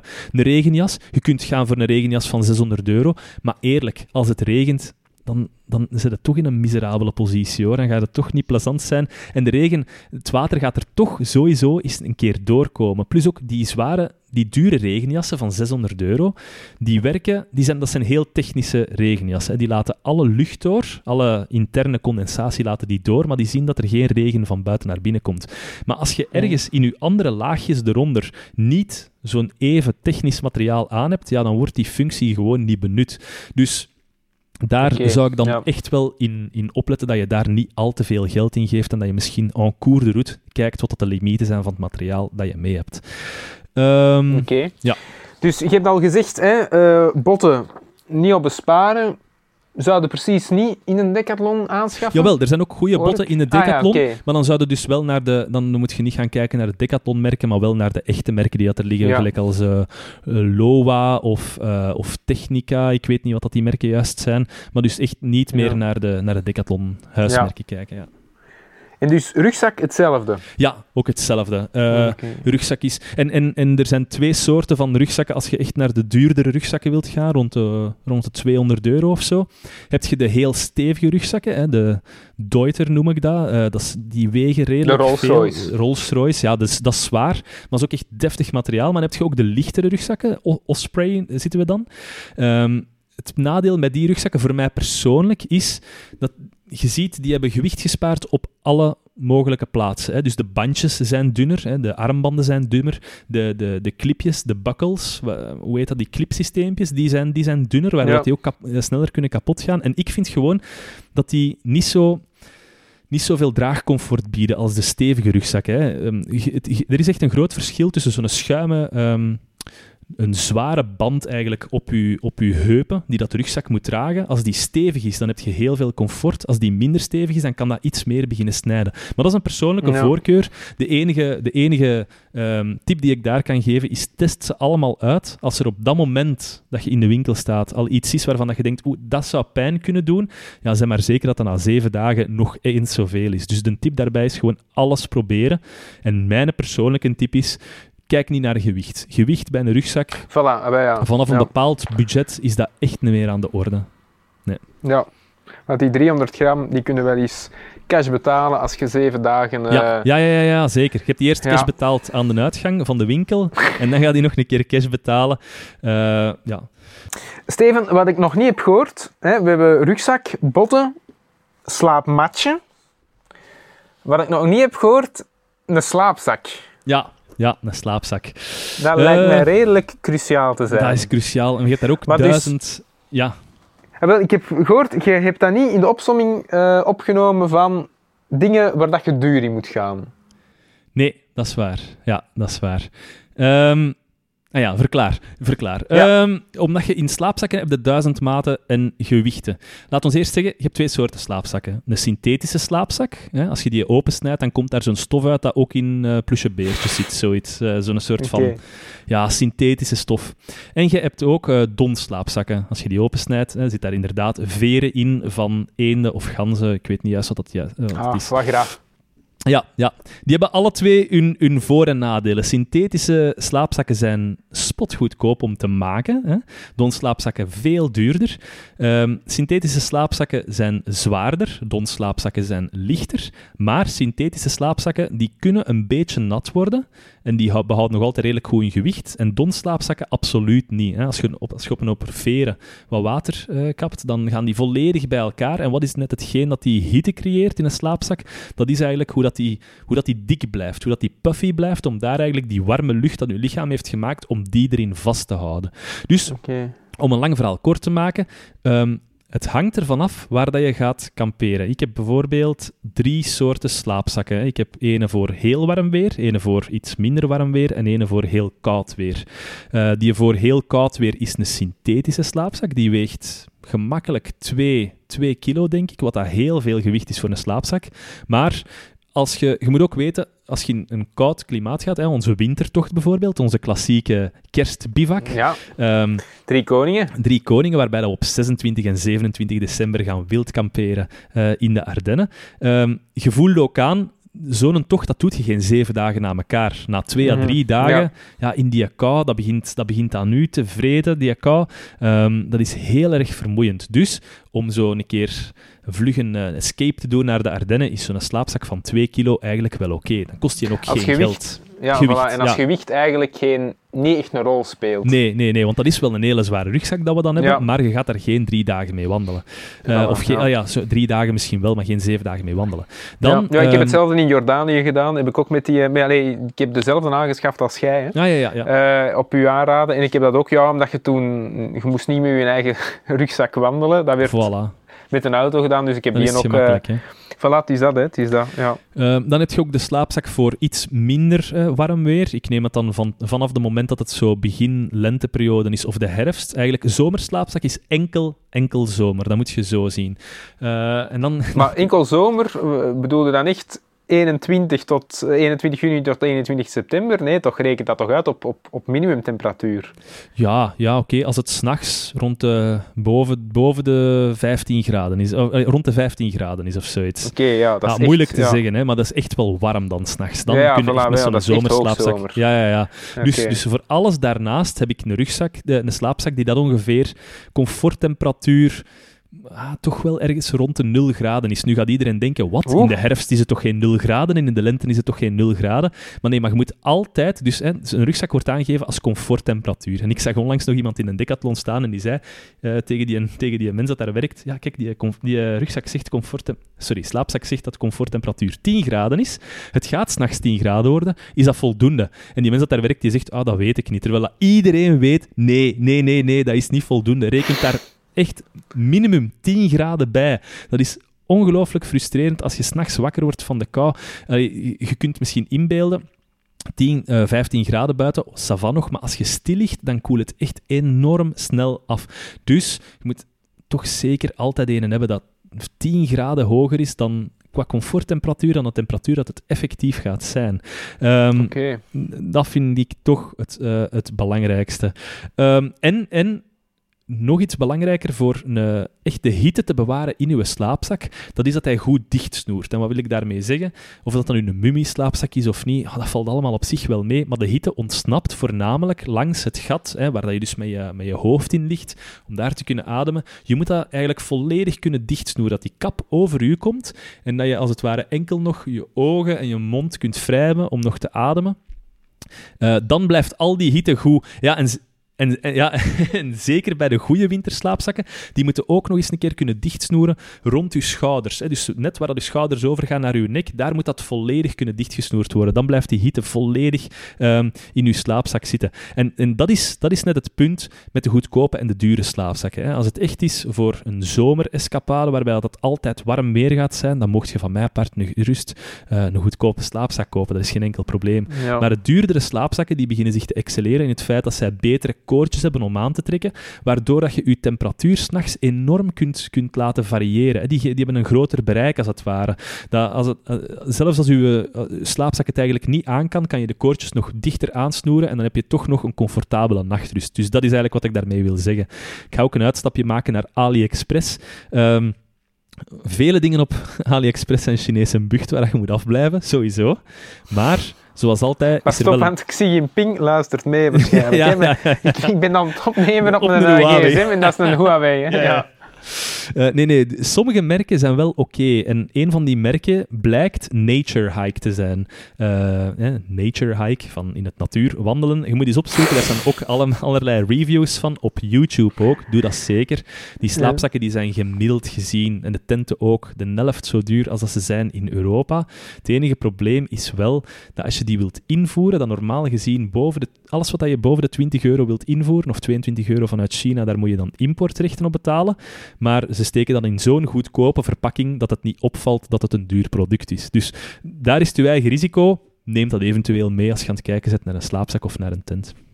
Dus je bent nu eigenlijk eh, onze luisteraars aan het aanzetten tot fraude. Ik, ik zeg enkel, kijk daar eens naar. Ik heb dat nog nooit gedaan. Eh, het, is, Ja. het is een risico dat je zelf wilt, eh, wilt nemen. Juist, juist, Ja. tuurlijk. Ehm, je sprak al over eh, de tent. Ja, Dat is, neem ik aan, ook eh, een belangrijke. ja daar... Als je niet onder de blote sterrenhemel Nee, wilt, eh, nee, wilt nee, slapen, nee. toch? Daar, en dat is ook zoiets, daar mocht je geld in steken of niet, dat is uw keuze. Hè. Er zijn, in, in, in de wandelwereld is er een oorlog aan de gang. Hè. De, de, de gewichtsoorlog. Alles moet goed, eh, lichter en lichter zijn. Maar lichter komt natuurlijk ook wel met een enorme kost. Dus dat je misschien voor maar 200 gram eraf te schrapen van je product ineens 100 euro meer moet betalen of zoiets. Dus dan is het aan u de vraag, ja, is dat u wel waard? Hè? Dat je een halve euro per gram betaalt, bij wijze van spreken. Hetzelfde bij sportwagens. Hè. Hoe sneller dat die Precies, beginnen rijden. Ja. Ja, sorry. hoe sneller dat je begint te, hoe sneller dat je begint te rijden, hoe, hoe, hoe duurder dat eigenlijk eh, het, het verschil begint te worden. Ehm, daar heb ik de volgende tips in. Ehm, als je echt van plan bent om het vaak te doen, koop je dan gewoon een dure, lichte tent. Hè. Eh, als je het van plan bent om het maar een paar keer te doen, kun je beginnen met een goedkope, lichte tent. Decathlon heeft voldoende goedkope, lichte tenten voor één of twee personen waar je naar kunt kijken om mee te beginnen. En wat is goedkoop? goedkoop, uh, een eenpersoonstent, goedkoop voor mij is rond de 80 of 120 euro. Dat is voor mij een goedkope eenpersoonstent. Oké, en wat is duur? Uh, duur, ja, dat, maar dat kan, dat kan echt zot worden. Hè. Dat is 500, 700 euro. Eén nog belangrijk tip voor het kopen van een tent, dat is... Let op met de aanduiding van het aantal personen. Hè. Je hebt al gezegd, gewicht hier is belangrijk. En als er iemand zegt het is een twee-persoonstent, de fabrikant zegt het is een twee-persoonstent, dan zijn het twee pers of dan is het jij en een persoon waarmee dat je heel, heel, heel goed overweg kunt. Want je gaat lepeltje, lepeltje moeten liggen tot het einde van de nacht. Uh, dat is, dat is ongelooflijk hoe klein dat die tenten zijn. Dat is eigenlijk bedoeld voor een persoon met al zijn gerief in de tent. Daar is dat voor bedoeld. Of een vader met zijn zoon of zijn dochter of uh, moeder of met, met, met, haar zoon of haar dochter die gaan wandelen. Dus eigenlijk gewoon een volwassene en een kind of een volwassene en zijn gerief. Maar zeker geen twee volwassenen en zeker niet voor een lange periode. Maar zeg, uh, met onze drie-persoonstent, ja. waar wij elke 26 en 27 december mee ja. gaan trekken, ja. dat is drie personen aangeduid en dat is toch... Nee, dat is een, vier, dat is een, vier, dat is een vierpersoonstent. Ah, echt? Ja, ja, ja. ja, ja. Oké, okay, okay. Zie je daar al ah, in liggen met vier man? Moeilijk. Moeilijk, Moeilijk. ja. ja. Oké, nee, dan, dan ben ik mee. Dan ben ik mee. Ja, dus daar moet je altijd één extra bij rekenen. Natuurlijk, een éénpersoonstent is een éénpersoonstent. Hè. Dan moet je gewoon kijken of dat je voldoende plaats hebt om je gerief binnen te leggen. En voornamelijk lange mensen. Vanaf dat je rond een meter negentig te zijn, begint te zijn, dus wat dat ik ben, dan moet je beginnen kijken of dat je past in de tent en of dat je past in je slaapzak. Wat dat heel vaak niet het geval is. Vaak moet je een extra lange slaapzak uh, kopen, omdat je er anders niet in past. Ja, ja, ja. ja. Um, nog, nog een tip bij het slaapmatje. Um, een slaapmatje dus ik heb al gezegd, koopt gewoon het goedkope slaapmatje van een decathlon. En dan gaat iedereen zeggen, ja, maar dat heeft geen isolerende waarde. Hè, want de koude die komt door de grond. En dat is inderdaad waar. Slaapmatjes die worden gekenmerkt door de R-waarde, de isolerende waarde van een slaapmatje. En natuurlijk, hoe, hoe, hoe hoger die R-waarde, hoe beter dat de isolerende waarde is. En ook hoe duurder dat die zijn. Maar je kunt dat heel eenvoudig counteren met gewoon een yogamatje onder je slaapmat te leggen als je in de winter gaat trekken. Hè, wij, doen dat, wij doen dat constant. Wij leggen eigenlijk de Ronald heeft een keer een heel groot schuimrubberen matje gekocht dat je kunt openplooien. Hij, hij was nog niet genoemd. Hij was nog niet genoemd vandaag. Maar alweer wordt hem genoemd, de ja. Hij had, zo, hij had zo'n matje gekocht dat echt het, het volledige print uh, of, of uh, grondzeil van de tent innam. En als je daarop ligt, er komt echt geen enkele koude door de grond naar boven. Dus dan is het ook niet de bedoeling. Ja, ik vind het dan overkill om een heel duur slaapmatje te kopen. Als je voor de periode waarin dat je het nodig hebt, gewoon heel eenvoudig een heel dun en licht yogamatje kunt meenemen. Of zelfs iets wat dat je over je, over, je, um, over je raam van een auto legt in de zomer. Zo dat blinkend matje. Ja. Zoals als je dat meeneemt, dat is al voldoende. En, oh, ja, uh, voilà, dus het moet geen... Uh, nee. Maar toch dat weer, een yogamatje, uh, je moet het wegkrijgen. Hè? Allee, gewicht, ja, ja, ja, ja, maar je moet het... Hè, het is, het is volumegewijs... Nee, dat is waar. Maar je hebt er ook heel goedkope en heel lichte versies in. Dat moet echt ook niet... Dat moet, dat moet echt maar 2 mm dik zijn of zoiets. Hè. Dat is al voldoende, ja. Zeg, en als ik zo wel hè, de rode draad doorheen uw verhaal, je komt altijd terug op uh, gewicht. Ja. Of wat moeten zo rekenen? Hè? Jij zei een bonk van een meter negentig, brede schouders. Ja, de mensen kunnen dat spijtig genoeg niet zien, maar het is zo. Ik neem aan, hè, jij rekent, hoor ik, op, op 15 kilo, maar stel, uh, iemand, iemand van 30 centimeter uh, kleiner. Ja, ja. Uh, ja iets, iets, iets minder gezet op de schouders. 15 kilo. Mogen daarvan uitgaan dat je dat een week in de Alpen, dat dat wel gaat gaan? Ja. En want dat vind ik altijd verraderlijk. Als je begint... Allee, ik heb nog nooit zo'n lange tochten gedaan. Moet ik toegeven. Hè, maar als wij in de winter of zo weggaan, je zwaait in om. Dat eerste uur ja, gaat dat als vanzelf. Hè. Je voelt dat quasi niet. Allee, of je hebt er alleszins geen last van. Dus je moet dat, ik vind dat moeilijk om in te schatten. Wat doet dat op een week? Ja. En dus hè, als je, als je ja, hè, maar een meter 60 bent of zo, uh, eh, 15 kilo, gaat dat, gaat dat gaan? Goh, een paar... Ja, die vraag die bestaat uit een paar delen. Hè. De, ik denk dat het eerste ding is... Ik had gezegd... Um, een, een, een, rugzak van 15 kilo. De Caillou wandelt hier binnen, by the way. Caillou is mijn, uh, mijn hondje. Uh, Caillou van steenslag in de bergen. Heel gevaarlijk. Hè? Je roept altijd ja. Caillou in de bergen als er een steen naar beneden valt. Uh, zwart. Ik zeg 15 kilo, maar de, ik durf dat niet bij 100% zekerheid te zeggen. De enige regel dat je hebt als je je rugzak bij elkaar doet, is gewoon, heb ik het nodig? Ga ik het überhaupt ooit gebruiken? En het is daarvoor dat je voorbereidingstochten moet doen. En dat je op het einde van een tocht altijd naar je grief moet kijken en zeggen, wat heb ik gebruikt en wat niet? En wat dat je niet gebruikt hebt, smijt je weg. Maar dan bedoel ik niet je EHBO-kistje. Als je dat niet gebruikt hebt, moet je dat niet wegsmijten. Dat moet je altijd meenemen. Hè? Maar um, daarmee bedoel ik, kous je hebt maar twee paar kousen nodig. Hè? Dus één om overdag te wandelen en een, an en een ander paar om de volgende dag te wandelen, terwijl dat één paar aan het uitdrogen is. Dus je hebt s'avonds gewassen en je hangt het gewoon aan de buitenkant van je rugzak en dat moet uitdrogen. Ja. T-shirt, hetzelfde. Eén t-shirt om te wandelen en één t-shirt voor s'avonds um, in de tent te zitten. Eén korte broek, één lange broek. Um, eigenlijk gewoon één wandeloutfit en één avondoutfit die dat iets warmer is en die dat, uh, u iets meer isoleert. Hè. Daar mag dus... Je moogt eigenlijk dat, dat, is eigenlijk de regel die dat we in de winter ook toepassen als we gaan wandelen. Je komt s'avonds toe aan je tent en alles wat dat je aan hebt, al je kleren, inclusief een boxershort, moeten vervangen worden door nieuwe kleren die dat droog zijn. Want van het minst dat er nog een klein beetje zweet aan is, gaat dat koud worden en gaat de ja, onderkoelingsverschijnselen ja, beginnen. Klammig ja, gevoel, klammig, ja. klammig gevoel en dat is niet plezant. Ja. Dat kan ook heel gevaarlijk zijn. Nu, dat gewicht, hoe weegt dat door? Ik vind het tegenovergestelde dan bij u. Ik vind altijd in het begin dat dat heel zwaar weegt en dat dat in het begin altijd moeilijk is. Want je moet die een balans proberen te vinden. Hè. Dat is, je merkt dat ook met de fiets als je met fietszakken begint te rijden. Die een balans van die fiets is anders. Maar na een paar uur zit dat erin. En kun je terug op die fiets stappen en zit, ja, heb je die klik gemaakt dat je met zoveel gewicht onderweg bent. En ik vind dat hoe langer dat het duurt, hoe, hoe, hoe, beter dat je lichaam zich daaraan begint aan te passen. Je merkt ook, een rugzak weegt in het begin misschien 15 of 17 kilo, maar na vier dagen weegt hij niet zoveel meer. Hè. Al uw eten is er bijna uit, waardoor dat je misschien al 4 kilo minder kan wegen. Dus uw eten weegt het meest.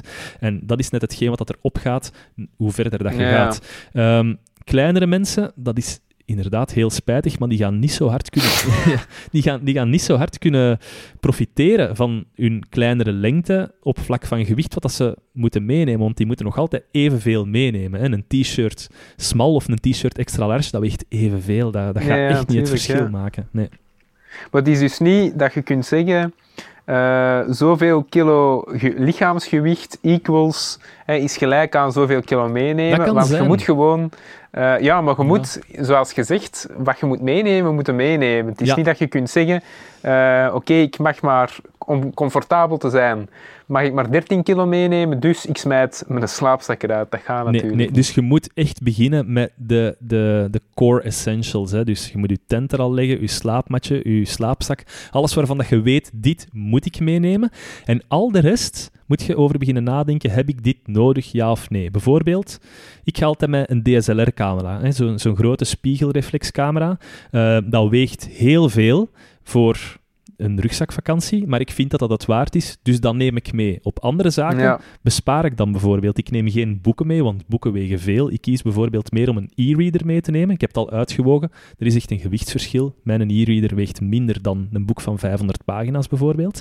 Dus daarop kun je al beginnen rekenen. Af en toe neemt je gewoon een keukenschaal erbij, een weegschaal, om te kijken wat weegt nu juist het meest als dat hetgeen is waar dat je je keuze op wilt baseren. Um, maar... En je moet echt wel zo rigoureus te werk gaan. Goh. Het is echt op de marges dat je... Voor, ja, maar ik neem aan, ja, inderdaad, voor zeven dagen... Uh, voor zeven dagen kan dat wel uh, belangrijk zijn. Ik, ik denk, dat je ja. die, die 300 gram er effectief afpitst. Ah, wel, wat ik daar, ja, inderdaad, wat ik daarover ga zeggen, dat is, als je de keuze kunt maken over materialen dat je al hebt, doe dat dan. Maar als je die keuze moet maken over de het behoud van het materiaal dat je nu hebt en een aankoop van materiaal dat je nog niet hebt, zou ik eerder zeggen, ga gewoon met gerief dat je nu al hebt. Want ja. de meerprijs van het verlies in gewicht gaat waarschijnlijk uh, niet opwegen ja, tegen, tegen het gebruiksgenot dat je daarvan gaat hebben. Hè. Je moet een keer een rugzak van 15 kilo hebben, of, die, of dat je nu 2, 200 gram meer weegt of niet, dat gaat je ja. niet voelen. Dat uh, gaat je niet voelen. Dat gaat niet ja. voelen, nee. um, maar ja, dat is een, dat is een eigen afweging. Hè. Um, je kunt daarin besparen, bijvoorbeeld kookgerei. Um, heel veel mensen nemen altijd een gasbidonnetje mee, een opzetstukje, een brandertje, dan nog een potje en dan nog uh, een, een, vuursteen. Hè. In, plaats, in plaats van een hè. neem altijd een vuursteen mee. Dat werkt of dat het nat is of niet, dat gaat altijd werken en dat is nooit op. Um, maar heb je dat nodig? Heb je een heb je s'avonds warm eten nodig? Ik raad sowieso aan om smiddags niet warm te eten, want dan verliest je heel veel tijd en dan krijg je ook altijd dat klopje hè, na, na je warm eten. Ik zou gewoon aanraden, vanaf s ochtends Ehm, koeken, koeken beginnen eten, nootjes beginnen eten, heel kleine dingetjes, tot s'avonds en dan s'avonds eventueel warm eten. Maar is het nodig om s'avonds warm te eten? Dat is de vraag die dat je moet stellen. Als je in de bergen bent en het is heel warm weer, wilt je dan s'avonds nog per se dat warm eten eten? Er zijn alternatieven, hè? ik denk maar aan, en dat klinkt nu heel vies, maar wraps, wraps meenemen is fantastisch. Dat kun je oprollen, daar zitten heel veel calorieën in. Je kunt daar wat salami tussen leggen, wat kaas tussen leggen en dan denk je, ah, maar kaas en salami, dat moet in de, in de, in de koelkast liggen. Als ik Ja, ga voilà, wandelen, ja. dat is echt niet waar. Dat, er zitten zoveel chemicaliën in dat dat echt wel goed blijft en dat je daar nooit een vergiftiging van... Het gaat sneller op zijn eer dat het slecht, dan dat het slecht gaat worden. Dat is dus die regel. Werkelijk, je kunt daar echt eh, een, een Ja, week mee doen. Ja, een week, een week dan zou ik eerder al een salami-rol nemen, maar als het salami-slices zijn, ja, na, na drie dagen zijn die op en dan zijn die nog altijd niet slecht geworden. Ehm, maar wat dat je ook kunt doen, is cold soaking. En dat is zo, ja, ik zie dat nu meer en meer opkomen op de gespecialiseerde Ja. YouTube-kanalen. Dat zijn mensen die dat gewoon in een potje het eten gieten waar ze normaal... eh, het eten gieten waar ze normaal hun water bij zouden doen. Net zo van een vriesdroog zakje met bijvoorbeeld chili con carne. Maar die doen daar dan gewoon koud water bij, of pasta, gewoon koud water. En die laten dat een paar uur staan. En na die paar uur zal dat water ook wel geabsorbeerd zijn door dat product. Dan is dat natuurlijk niet zo lekker om koude pasta te eten. Maar dat is de keuze die je wilt maken. Als je echt, eh, als je echt wandelcomfort wilt vooropstellen boven s'avonds iets lekker te eten, dan is dat een richting dat je zeker kunt opgaan. Ja. Kleine dingen, allee, of, of belangrijke dingen waar dat je misschien eerst niet aan denkt, maar die toch essentieel zijn. Ja, Een eh, leuk verhaal dat je mij daar eens hebt verteld en waar dat ik dus absoluut ook niet zou aan denken, is een gesp. Een tweede gesp. Hoe ja. eh, cruciaal dat dat eigenlijk is om dat bij te hebben. Ja. Hè? Je hebt daar, toen dat verhaal denk ik in Noorwegen van de Filip. Ja, ik weet niet waar Ehm, dat... maar Een gesp, eh, een gesp niet, ik bedoel gewoon het, het kliksysteem van, van de gesp van voor. Dus Ah, eigenlijk ja, de- dat bedoel ik, ja. Dus de twee plastieke eh, eh, mechanismen die in elkaar toeklikken van, van, uw, van uw heupgordel. Ja, inderdaad, eh Filip had per ongeluk ehm, zijn rugzak afgelegd en was op een van die plastieke clips gaan staan. En die waren afgebroken, waardoor hij gewoon zijn heupgordel niet meer kon sluiten. Nu, het, het, dat, is echt, dat is echt dramatisch als je al het, al het gewicht van die rugzak op je schouder moet beginnen dragen en dat er dan geen controle meer is rond je, rond je borst. Dan moet je echt al voorover gebogen eh, lopen. Je schouders, ja, die liggen echt in fruit na een paar kilometer. Ja. Dus gelukkig had ik zo'n reservebakkel mee. Ik weet niet waarom wat ik dat mee had, maar ik had dat ooit eens gekocht en ik had dat mee. En gelukkig heb ik dat daar kunnen gebruiken. Hetzelfde met veters, reserveveters. Je wilt niet weten hoe hard dat je veters afzien van je bergschoenen na een week of na een maand. Je kijkt daar ook niet altijd naar. Meestal je bergschoenen, als je die nodig hebt, dan haalt je die uit de kast en dan doet je die aan zonder die al te goed te inspecteren. Je vet die natuurlijk wel een beetje in. Je moet die wat onderhouden, dat die waterdicht blijven. Maar echt naar die veters kijken. En het kan zijn dat je veter springt eh en cours de route. En dan is het heel gemakkelijk dat je in je eh, EHBO-koffertje gewoon, of je tasje, daar, dat je daar gewoon een extra veter in hebt. Dat weegt niks, maar dat kan echt een wereld van verschil uitmaken, zoiets. Eh, Ja. Een toiletrol. Als Iedereen vergeet een toiletrol. Dat is elke keer als we in de auto zitten of op de, op de vlieger naar een of andere van onze bestemmingen, dan komt het altijd naar boven. Ja, wie heeft een toiletrol mee? En dan zie je echt, ja, wie heeft er deze tocht goed voorbereid? Want dat is iets wat dat je... Daar, maar nee, maar daar denkt je gewoon niet aan. de lakmoesproef. Dat is de lakmoesproef. Als je zo, meestal, je denkt, ik sta s ochtends op, ik poets mijn tanden, ik eet iets, ik, mijn slaapzak, dat heb ik allemaal mee. Maar je denkt niet dat je onderweg ook nog je behoefte moet gaan doen. Nu, er zijn mensen bij die dat ook nog gerief meenemen om een putje te graven, daar hun behoeften in te doen en dan dat putje terug toe te doen, hè, voor geen vervuiling te hebben onderweg. Nu, dat Ja. gaat, maar ik doe dat eerlijk gezegd nooit. En ik weet dat ik hier, het woord is goed gekozen, shit voor ga krijgen van de community. maar als je een beetje oplet waar je dat... Ik doe dat ook niet juist naast het pad, hè. En dan hoor ik de, de hardcore ridders al zeggen, ja, maar dat toiletpapier dat verteert heel traag, dat blijft daar heel lang liggen. Dus wat doen sommige mensen? Die steken dat in brand. Maar het is al gebeurd vorig jaar dat daar door een bosbrand wordt veroorzaakt, waardoor dat er, waardoor dat er dus eh, brandweermensen komen te sterven in zo van die gebieden. Ja. Dus ja, nee. Ehm, niet al te zot in doen. Ik denk gewoon eh, een toiletrol dat dat eigenlijk wel in orde is. Nou ja, Eh, maar wel altijd die toilet, want je spreekt over dat putje, ja. maar dat is toch geen alternatief voor, voor een toilet? Nee, nee, nee, nee, nee, nee, nee, Ah, nee, daar, moet dan... Ja, ja. Het is dan ook voor eh, het toiletpapier. Het was eigenlijk een alternatief aan het verbranden van uw toiletpapier. Maar ja, verbranden, allee, dat, dat doet het toch niet. Ehm, oordopjes en een ooglapje voor de mensen die dan nog nooit zijn gaan slapen in een tent. Je hoort alles. Je hoort alles wat er rond u gebeurt. Je hoort beesten. En dat moet, dat moet niet zo Het gesnurk Ges- van partners. ja, dat, Ja. dat- daar ben ik schuldig aan, inderdaad. Ehm, plus ook als de zon opkomt, in de, je bent in de zomer aan het wandelen, de zon komt op om vijf uur en je wordt wakker. Hè? Dus neem een ooglapje mee, neemt oordopjes mee en gegarandeerd een goede nachtrust. Dat kan ik nu al zeggen. Ehm, Ja. Ik moet zeggen, ik vind qua oordopjes, allee, buiten dan als je een, een snurk erbij hebt, Ja. maar anders vind ik dat best ontspannend. Dat, je, dat als je zo, ja, beesten hoort, ik Meen vind dat iets hebben. Ja, ik vind dat echt iets maar hebben. jij- Ja, maar oké, ja, als ik van stad, als ik hier mijn raam open zit, dan hoor ik het- dan boven ze stevig voortdurend. dus ik ben wel iets gewend. En, en dan zo dat alternatief van dieren. Ja, ik vind dat, eh, ik vind dat echt iets hebben. Ah, wel. eh, Het is, is, een tip. eh, het weegt niks. Eh, je kunt Nee, het nee, meenemen. Je kunt het een keer proberen. Als het niks voor u is, dan doe je en cours de route toch nog uw, uw oordopjes in. Eh, pijnstillers misschien. Voor ja, sowieso een EHBO-kistje meenemen of een klein zakje. Daar moet niet al te veel in zitten. Liefst ontsmettingsmiddel. En neemt dan direct goed poeier, i- isobetadine of zoiets, dat alles ontsmet. Ehm, Ja. Pijnstillers is iets... ehm, Misschien moeten we met die isobetadine Ja? Toch, toch, toch eens het verhaal doen van ehm, eh, uw, uw tocht, uw kanotocht in, eh, in, in Wallonië. Oh, godverdikke, ja. Ja, ja daar hebben we... Daar hebben we iets- ook iets voor gehad, hè? Ja, daar hebben we iets voor gehad. Ehm, dus we we gingen een kanotocht doen in, eh, in Wallonië. 70 kilometer. En ik denk dat we daar twee of drie nachten voor gepland hadden of zoiets. Nu, de- Dat was op de Oerten of de... dat was op de... Op de nee, op de Oerte. In de? Ik denk dat dat op de Semois was. Dat. Ah, dat is Ja. Ja, oké. Er is eigenlijk redelijk veel stroming op, op die rivier. En wij dachten, ja oké, als die verhuurder van die kano's aanbiedt dat, hem, dat we hier 70 kilometer kunnen doen, dan denken wij ook dat dat bevaarbaar is, die 70 kilometer. Dus Ja. die eerste kleine watervalletjes, watervalletjes zijn dan niet, je kent dat is zo'n drop van 30 centimeter of zoiets. Oké, je doet dat met je boot. Maar ehm, ja, tegen de namiddag... We hadden al een pintje gedronken in de kano en dat is natuurlijk niet heel goed. Niet veel, hè, maar zo twee pintjes en dan kennen dat, dan gaat, u, dan gaat zo de serieus al een ja. klein beetje weg. En, ehm, en we zagen terug zo'n kleine barrage met een, klein, een kleine doorgang in het midden. En dan dachten we, oké, we gaan daar door het midden gaan. Het probleem was, dat, dus dat was een klein afgrondje, maar in het midden van, dat, van die drop van ongeveer hè, de, van 40 cent, 30, 40 centimeter of zoiets, het kan echt niet meer geweest zijn dan dat, eh, was er een puntige steen.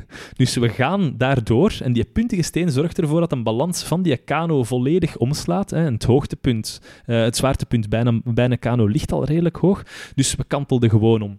Ehm, ik had geen waterschoenen aan, dus ik had gewoon mijn blote voeten. En we probeerden naar de kant te gaan. Natuurlijk in de eerste eh, shock van... we zijn hier omgekanteld. Een tweede shock van, dat is hier koud. En dan een derde shock van, oké, we moeten hier alles naar de kant krijgen, zo snel mogelijk, want alles was al aan het verdrinken. Ehm, dat we, eh, ja, ik, ik was daar over een paar scherpe stenen gelopen en pas na het opzetten van de tent had ik gezien dat, dat er echt een, een heel diepe snee zat in, in mijn kleine teen, die ik dan heb ontsmet eh, met, met, met isobetadine. Maar de volgende dag moesten we natuurlijk verder gaan en is er daar toch nog wel, ja, doordat uw, schoenen const, uw voeten constant in het water zitten, is er daar toch nog een bacterie ingekropen en... eh, Maar tegen mij het verhaal verteld dat je ging plassen en dat je gewoon in de koeienstrand stond. ja, ja, ja, ja, ja, dat Ja, is gebeurd. Ja, en, dan ja. Nu het, en dan nu het verhaal vertellen van ja, ja, en dan, oké, komt er toch, toch wat rimpel een bacterie in. Ja, als je in koeienstrand gaat staan. Ja, maar je kunt niet kiezen waar je afstapt, hè. Af en toe is er een wei en dan denkt je, oké, hier uit die wei moeten we gaan. En dan moet je eerst een hoop modder door. En daar ligt inderdaad ja, een, Ja. een, een koeienvla in. Ja. En dan kom ik bij mijn dokter, hè, met mijn... Dus, dus s'nachts nog zo koortsdromen gehad, je kent dat wel. De volgende dag met een voet dat drie keer zo dik was bij een dokter. En die tegen mij, maar jij bent toch wel een globetrotter, hè, jij? Ja, nee, ik ben gewoon omgevallen met een kano in de Semoise.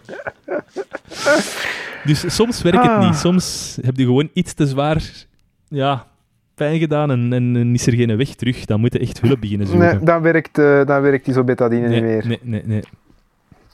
Zeg, en eh, wandelstokken. Ja, No, eh, nee, hoe heet dat? Nordic, Nordic dat is walking. voor zeuten, hè.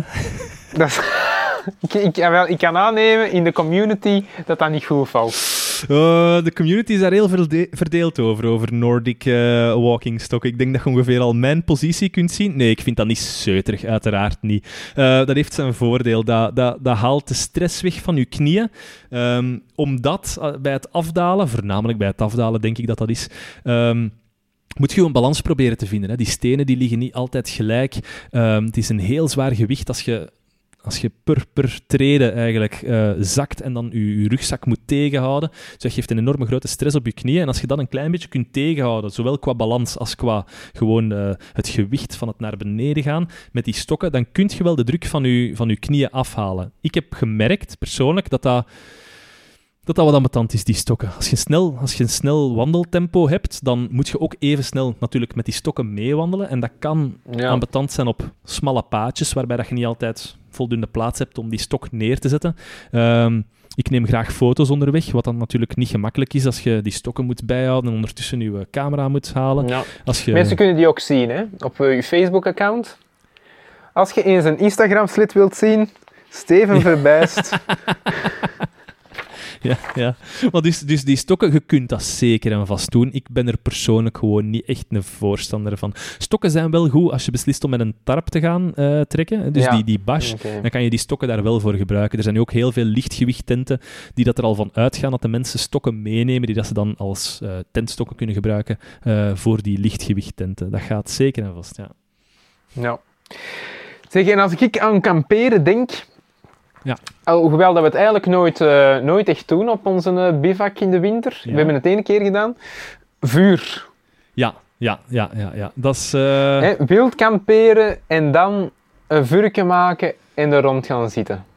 Dat lijkt toch, dat is hè, zo wat het, het- de droom, hè, De- de gezelligheidsdroom. een droom. Dat je s'avonds eh een marshmallow kunt maken op je vuur Oh. enzovoort. Ja, ja, ja. ja Houd me tuurlijk, tegen. tuurlijk. Ik ben geen voorstander van vuur. Nooit, nooit geweest. Er zijn een aantal nadelen. Hè? Het eerste nadeel is gekoppeld aan wild kamperen. Wild kamperen, u hoort het al, niet toegelaten in België, eh, maar het is zeker en vast mogelijk. Absoluut mogelijk. Eh, er zijn voldoende plaatsen in de Ardennen waarbij je beseft, oké, hier gaat er echt niemand meer passeren. Je moet je ook niet naast het pad leggen. Mijn favoriet is altijd op de rand van het bos met het veld.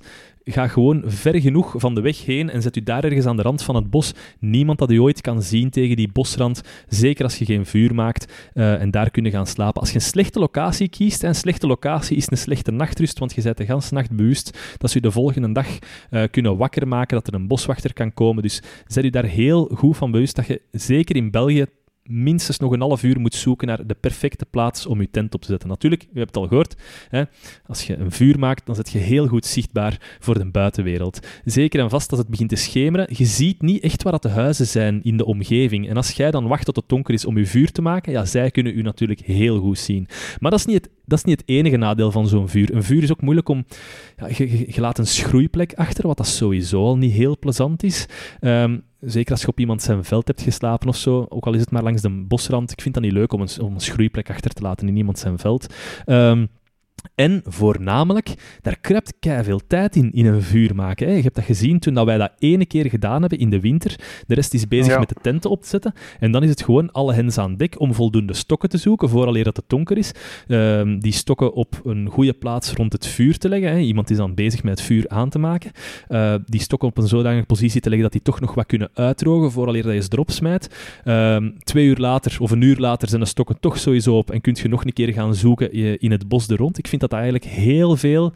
ehm, dat domineert uw avond. En dat kan zijn dat dat plezant is, maar ik vind het leuker om samen te zitten... ehm, en als het wat koud wordt, kruip je dan gewoon in de tent, want dat, dat temperatuurverschil is enorm. En Ja. dan gewoon te praten.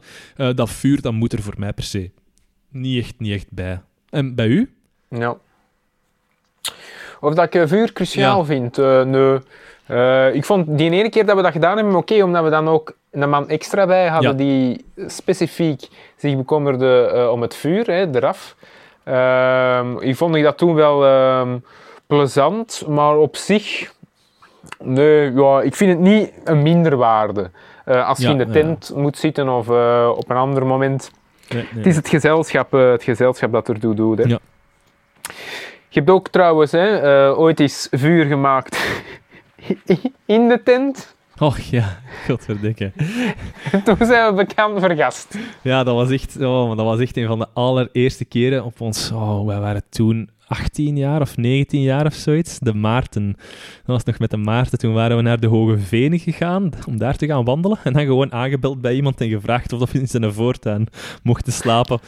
En dan niet echt een vuur gemaakt, zeg maar we lagen in de tent en dan werd daar zo wat koud en hebben we gewoon het gasvuurje aangezet in de tent om zo wat hitte te geven. Maar doe dat alsjeblieft niet, hè, mensen. In zo'n Lidl-tent met slechte doorstroming, dus... Allee, ja, Zo sterven er mensen, Ja, zo sterven de Ja. mensen. Zo sterven de mensen. Ja.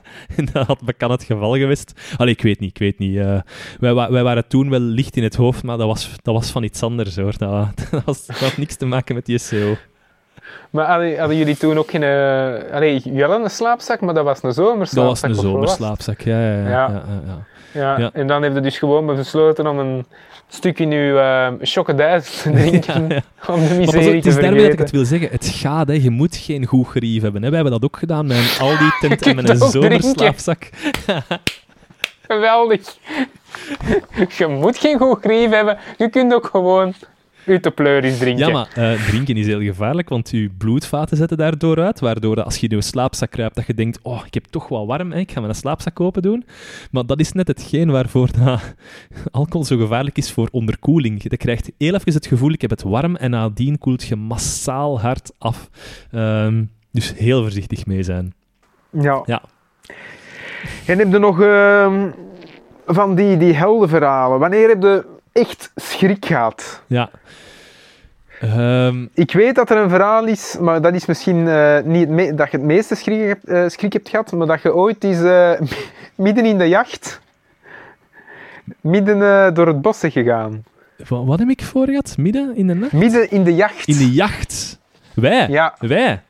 Waren wij dat? Nee, Ik, ik was er niet bij. Nee, nee, nee, nee, nee, nee. Wauw, dat was niet echt op een trektocht, dat was gewoon op een, een, een wandeltocht. Dat we, maar Ronnie en ik hebben dat ook een keer voor gehad, op een trektocht dan. Ja, je, je zet een hele... Wacht, hè, je vertrekt vanaf een bepaald punt, je volgt de rivier, hè, drie uur wandelen, en dan eens komt dan een bordje, ja, mannen, vanaf hier zijn we aan het jagen. En dan denk je, ja, maar we moeten, nu, moeten we nu echt gewoon die drie uur terugwandelen naar de plaats waar onze auto staat? En dan gewoon het gewaagde, het was, het was twee uur in de namiddag, ja, zouden die mannen nu nog aan het jagen zijn, of zouden die ondertussen al Jägermeister aan het drinken zijn? Wij hebben het gewaagd en we zijn gewoon gegaan. Ehm, maar ik heb een keer een ander moment gehad waarbij dat we minder chance hadden. En dat we aan het wandelen waren en dat we ineens een bloedplek zagen in het midden van het pad. En dat mijn kameraad zei, ik zie daar een auto, kom nu omdraaien. En dan zijn we beginnen lopen, het bos in. En eh, dan hebben we ons even ergens proberen... Bos, het bos het in beginnen in lopen als ze er aan het ja. jagen zijn. En dan, Ja. en dan, eh, dan hebben we ons daar ergens proberen te verschuilen. En dan, ehm, echt twee minuten later, komt er een 4x4 in snel tempo doorgereden door dat padje. Waarschijnlijk op zoek naar de mensen die dat er net eh, gespot waren. En dan hebben we toch wel Ja. gezegd, oké, dit bos moeten we uit. Dus die jacht, jacht is wel gevaarlijk. Echt, echt wel. Eh, wij hebben dat ook voor gehad tijdens onze wandeltocht in eh, de Ardennen. Dat we dachten, oké, hier in dit veld, hè, in de, op deze bosrand, zou goed zijn om ons tentje op te zetten. Omdat we zagen dat de volgende dag de jacht ging beginnen in een, in een bos daarnaast. Hè. Dus we wisten, oké, nu zijn ze nog Ja. niet aan het jagen, maar de volgende dag gaan ze, gaan ze beginnen. En dan moeten we vroeg genoeg opstaan. Hè, want die beginnen te jagen rond een uur of negen, of wat is dat? Een drijfjacht. Ah, nee, dat is dat verhaal. Ja, nee, ik snap waarover dat je het hebt. Ik ben inderdaad eens weggejaagd in een bos. Ik was, ik was op mijn eentje aan het trekken in de Ardennen. Ehm, de Franse Ardennen. Ik had daar mijn eenpersoonstentje opgezet. Eh dat was op zo'n plaats met vol omgewoeld gras. Dus je wist gewoon, dat zit hier vol van de everzwijnen. Hè. En ik wist dat de volgende dag de jacht ging beginnen. Dus ik sta redelijk vroeg op. Ehm, eh, ik, ik laat mijn tentje in. Ik begin door het bos te wandelen naar beneden om naar buiten te gaan. En ineens zie ik daar zo'n troep van twintig jagers dat afkomt. En die zo, kijk kwaad tegen mij. Hè, Vous êtes seul? En ik zeg, ja, ja, er is niemand anders. Allee, kom, maak dat je dat bos uit. zei. En ik loop dat bos uit. En het einde van dat bos is aan het begin van het dorpje. Dus ik wandel dat dorpje binnen en ik hoor de klok negen uur slaan. En meteen daarna hoor ik al die honden blaffen, blaffen en begin daar geweren af te gaan. En dat is echt apocalypse now. Niet normaal. Die drijfjacht, dat is, dat is echt iets vies. Als je dat meemaakt en je zit dan nog in het bos, dan, eh, dan kun je echt zware problemen hebben. Ehm, ja, Ja, maar dat is een gevaar dat, eh, dat je in de Alpen en de Pyreneeën Nee, minder maar gaat hebben. waar dat ik eigenlijk over wou beginnen, dat was het Ja. verhaal dat wij hebben voorgehad. Hè, dat wij dachten, we gaan ons tent hier opzetten. Ah, wel, daar waren Ah, ze ja. op dat moment illegale drijfjacht, eh, illegale jacht aan ja, Want ze waren eigenlijk in die heuvel, op die heuvel waren ze aan het schieten, dat er dan nog een boswachter of iemand met een hele grote hond, was geen boswachter, maar hij kwam in ieder geval controleren wie dat er hier illegaal aan het jagen was. En wij dachten even om ons tent daarop te zetten. Dus jacht Ja, is, een, inderdaad. is inderdaad een, een, gevaarlijke periode om te gaan, zeker om wild te kamperen. Want we hebben dan ook besloten om op de camping te gaan slapen. Gelukkig dat er een camping in de buurt was, dat we toch nog ergens konden gaan slapen, dat je weet dat je veilig bent. Want dat is, dat is echt niet bevorderlijk voor je nachtrust, dat je weet dat er om zeven uur s ochtends honden en geweren zijn. ja, Ja, rond je tent kunnen zijn. ja. ja. klopt. By the way, als je iets voor hebt, ehm, je kunt werken met een spot, een spot GPS-tracker. Wat is dat juist? Eh, ik heb net gezegd, je hebt niet altijd ontvangst in de bergen, dus je kunt zo'n soort van GPS-toestelletje meenemen dat krachtiger is dan een gewone GPS. En een gewone GPS ontvangt het signaal, maar deze kan ook een signaal uitsturen. Daarvoor heb je een krachtiger, toestel nodig. En dat kan drie drie berichten sturen, drie vooraf geprogrammeerde berichten sturen naar het thuisfront. Je hebt duurdere versies waarin dat je meer kunt, maar wat ik ga het hebben over de basic versie. En je kunt sturen een standaard bericht, hè, toekomen aan de tent, we maken ons klaar voor een avond, hè, volg ons op dit coördinaat, en dan stuurt je een coördinaat uit. En dat is dan bijvoorbeeld automatisch op je Facebook dat dat staat, dat bericht. Dat is dan altijd hetzelfde bericht, hè, goed aangekomen aan de tent, maar dan kun je ook zien waar dat de mensen zijn. Dan heb je een tweede bericht dat zegt, ja, we zitten in de problemen. Eh, dan kun je dat induwen, dan komt er nog niet direct een reddingsactie, maar dan weten de mensen thuis wel, oké, er is een reden waarom dat ze niet verder vooruit gaan. Hè. Ze zullen nu naar een oplossing zoeken en ze zullen naar ons terugcontacteren wanneer dat Ja. het nodig is, maar er moet nog geen reddingsoperatie op poten worden gezet. En dan heb je nog een derde knop en dat is SOS. En dat is dan echt, dat wordt uitgestuurd en dan, komt er, eh, dan wordt er een bericht verstuurd naar de dichtstbijzijnde, wat is dat, helikopterservice in, de, in de Alpen en dan komen ze u zoeken meteen op die coördinaten. Dus, eh, maar En dan kun je best ook goed verzekerd zijn. dan kun je best ook goed verzekerd zijn. En dan denkt je, ja, oké, maar dat is enkel in levensbedreigende situaties, maar ook niet, hè. Allee, als je je been breekt in de Alpen, dat is niet levensbedreigend, maar je zit vast, hè. Dan moet er iemand u komen halen. Dus dan, ja, Ja. een, een klein probleem wordt redelijk snel groot als je het slecht behandelt of als je... Als je op een... Als je Of als je een koeienstronk gaat als je staan, op een gaat staan. ja. Voilà. Zeg, en ehm, Steven, recent heb je ook een nieuwe passie hè, Ja. ontdekt. Eh, misschien voor mensen die zeggen, goh, dat wandelen. En al dat gewicht op mijn rug, dat is toch niet ideaal. Anderzijds hè, hou ik er wel van om door de natuur eh, te bewegen en, en meters te maken. Ja. Is er bikepacking? Ja, ja. Bikepacking of bike touring. Hè? Ehm, je gaat met je fiets op stap. En het verschil tussen bike touring en bikepacking is... Bij bike touring heb je eh, een bagagedrager en klik je daar de zakken op. Bagagedrager van voor, eventueel op het stuur. En bikepacking is meer dat je eh, een standaard fiets hebt, een mountainbike, en dat je daar echt zakken met velcro aan begint te hangen. Speciaal daarvoor gemaakte zakken in het kader, van achter eh, aan, aan het zadel, van voor aan het stuur. Het heeft alle twee zijn, zijn voor- en nadelen bij het bike touren, bij het klikken van de zakken aan uw fiets. Ehm, dat is een heel gemakkelijk systeem en dat is perfect voor op gewoon asfalt te rijden. Eh, die andere zakken, hè, dus waarbij dat je de zakken echt in het, in het kader hangt, aan, eh, aan het stuur hangt, ehm, van achter aan het zadel hangt, dat is meer gemaakt om te mountainbiken, dat het, omdat het gewicht daar centraler blijft. Eh, de zakken hangen steviger vast en je kunt meer sportieve escapades doen. Dus dat is nu inderdaad wel. En wij gaan volgende week op tocht Absoluut. voor een week in, in, in, in, in Vlaamse velden. Vlaamse velden, absoluut. En. Waalse. En Waalse velden. Waalse ja, velden. Ja, ja. Wij gaan eh, kijken naar eh, de slag van West-Rozebeke, althans naar de locatie waar het die is uitgevochten geweest. Hè? Hashtag Bart van Ja. Loo. Hashtag Bart van Loo. Ja, misschien moeten we dat verhaal ook vertellen. Dat je op een reis naar Noorwegen Bart van Loo hebt ont... Wat voor ons, hè, wij, wij, eh, als, wij waren toen nog collega's. En in de weken leidend naar eh, uw reis naar Noorwegen, hij was van Ba- Bart, eh, Bart van Loo een running joke geworden. Ja, ja, dat was Eh, mijn ik weet al niet meer hoe dat en, kwam. Ja, en omdat er, de Ronnie ook de podcast was aan het luisteren, zeker van de juist, Bourgondiërs, ja, ja, ja, hè, ja. kwam die om de zoveel tijd kwam die wel eens in het gesprek voor. Ja, ja. En dus op die dag dat jij vertrekt, stuurde jij ineens van... Hè, we zi- ik zit hier op de vlieger met Bart van Loo. Dat was ik. Niemand van ons gelooft nee, dat. nee, nee, nee.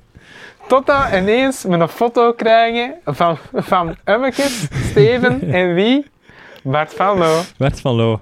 Hij wou mij een boek signeren, maar ik had een e-reader mee, dus hij heeft hem vast gehad. Dus dat is nu in goud veranderd, hè, die e-reader. maar dat was goed. Wij zaten in Zaventem en we, we gingen naar Noorwegen. Dus ik dacht, kom, dat zijn hier de laatste goedkope pinten. In Zaventem is dat totaal niet waar, maar dat was dus zo echt... S ochtends, je kent dat mannen onder elkaar. En dat was zo... vij- De grootste pint dat er daar te bestellen was 75 centiliter Stella, hadden we daar dan besteld. En we hadden echt maar een half uur. Dus ja, op een half uur die pint opgedronken, op je nuchter maag, gestapt aan die vlieger op. En ineens zie ik daar een, een bekend gezicht en ik denk, is hem dat? Is hem dat? En die begon mij al zo wat licht in mijn hoofd te voelen. Maar ik dacht, kom, ik ga toch vragen, met zo'n bierwalm gaan vragen. En zei, ja, Bart van Loo? maar alleen vanaf dan was die vakantie voor mij geslaagd. Ik moest niks anders meer doen. Oh, heel sympathieke meneer, by the way. Ik dacht, don't meet your heroes. Ik dacht, voor hetzelfde geld scheept hij mij eraf en denkt je, ik ben hier op vakantie. Maar dat was echt een hele, hele vriendelijke mens. Echt waar. Ja. Ja. En, en nu gaan we dus eh, de, de voetsporen van, van de Bourgondiërs... eh, Absoluut. de voetsporen van, van die geschiedenis treden. Hè. We gaan de Gulden Sporenslag eh, bekijken in, eh, in Kortrijk, eh eh, West-Rozebeek, Tijnkot enzovoort gaan we bekijken. Dan zakken we... Ook de Ook de Bourgondiërs. Dan, dan zakken we af naar een, een, een dorp dat ik toevallig onderweg was, was tegengekomen. Want ik dacht, ik moet hier ongeveer op 100 kilometer van Yper uitkomen. ergens in de buurt van Bergen. En wat kwam ik uit? Bernissar, godverdekken, van de Iguanadons. Ah, wist jij echt Bernissar ja, Iguanodons? ja, ja, ik had onlangs nog naar, Ah, een, eh, naar een aflevering geluisterd van Radio 1 waar dat het alweer ging over de iguanodons van Bernissar. Ja. En er staat er een in het museum dat daar, eh, dat daar is. Dus, eh, Ah, oké, die staan niet allemaal in Brussel. Nee, er staat nee, er nee, ook er staat er nog daar. Oké. ja, ja. Ehm, en dan, dan gaan we nadien doorrijden naar, eh, ik denk dat dat Beaumont is, ik ben niet 100% zeker, waar dat Napoleon België, Ah, ja, de, de, ja, ik denk het, ja. En dan de route Napoleon, ja. waar dat eh, Napoleon België is binnengekomen in zijn laatste veroveringstocht, eh, richting Ja. Waterloo. Die, we gaan hem dus in de voetsporen volgen. En dan gaan we ehm Waals-Brabant wat verder gaan, gaan ontdekken. Maar het zal dus een, een, een culturele, culturele fietsreis zijn, hè? Eh, ja, ja, maar ook eh, wel wat natuur, natuur Ja. hè, dat we gaan zien, neem ik aan. Zeker, zeker. Zo wat de combinatie. En we gaan de mensen ook eh, verblijden met, eh, met foto's. Ja. Hè? Eh, ah, wel, maar we gaan die op, op onze Facebookpagina Ja, zetten dan. Ja, ja, ja. En, en Vermoed Twitter, hè? En Twitter, hè? Ah ja, dat is juist. We hebben ook een Twitter-account. Ja. Ik, zal, eh, ik zal eens werk maken van een Instagram-account. eh. Och nee, nee, dat is niet nodig. Nou, ik Nee, weet het. nee. Daar is altijd Instagram, daar is altijd die in de bij Ja. over. Oké. Jij mag dat doen. Maar Ik geef het aan u. Ja, oké. Oké, ik kan het doen. Nee, Steven, ik denk dat we eh, rond zijn. Ik denk dat we er zijn. Ik wil nog één keer verwijzen dus naar die website hikingadvisor.be, ehm, opgestart door, ehm, ik denk dat dat Debbie, Debbie Sanders was. Ik denk dat zij hem is opgestart, maar eens even kijken. Ik denk, ik denk het wel hoor. Ehm, in ieder geval, ik heb, ik heb met hun organisatie ook een wintertocht gedaan met sneeuwschoenen naar de bergen, begeleid door haar. Eh, dat was in de Alpen, dat was een fantastische tocht. Iets waar je zelf nooit aan begint, omdat er lawinegevaar is en je denkt, je moet daarvoor in groep zijn. En zat ons goed voorbereid op dat lawine. Nu, de- wordt zeker niet gesponsord, deze aflevering. Ik wil gewoon zeggen, kudos aan de mensen die mij, eh, die mij hebben eh, dingen bijgeleerd die dat hierover belangrijk zijn. Ik denk dat Debbie Sanders toch één van de personen is die hier centraal in staat. Ja. Ja. Zeg, en als je nu ehm, nog, nog één reis moest maken, Oei. een droomreis, Ja, eh, eh, door de bergen, hè, Ja. trekken. ja, ja. Wat, wat staat er zo nog op het... eh Ho, dat is een goeie. Hè, zo Alaska. Ja, ah wel. Dat, eh, is dat een, de grote droom? Of, Eh, ehm, ah wel, ah wel. Er zijn, of toch Ik was aan het denken aan, aan Patagonië, hè, Argentinië enzovoort. Prachtig Ja. natuurgebied. Vuurland, ja. Maar ik heb ondertussen al wat zo ja, Spaanse, Spaanse ingesteldheid. Dat heb ik zo wat in de Pyreneeën meegemaakt, dat dat niet echt hetgeen is. Die, die punctualiteit, die ontbreek ik. Dus, ja, ik weet niet. Dat is misschien wat ver. Eh, Canada, sowieso staat dat hoog aangeschreven, maar ik heb echt wel wat schrik van die beren. Ik denk dat dat... ehm, En mogen het daar wild kamperen? Nee, waarschijnlijk, want dat is met natuurparken en zo. Ja, dat, ik denk dat je echt moet kijken naar de, naar de lokale Ja, regels. Eh, Soms moeten inderdaad nog, gelijk als Tom Waas, toestemming gaan vragen aan de lokale inheemse eh, Ja. bewoners, of hoe heet dat, de, de autochtone bevolking.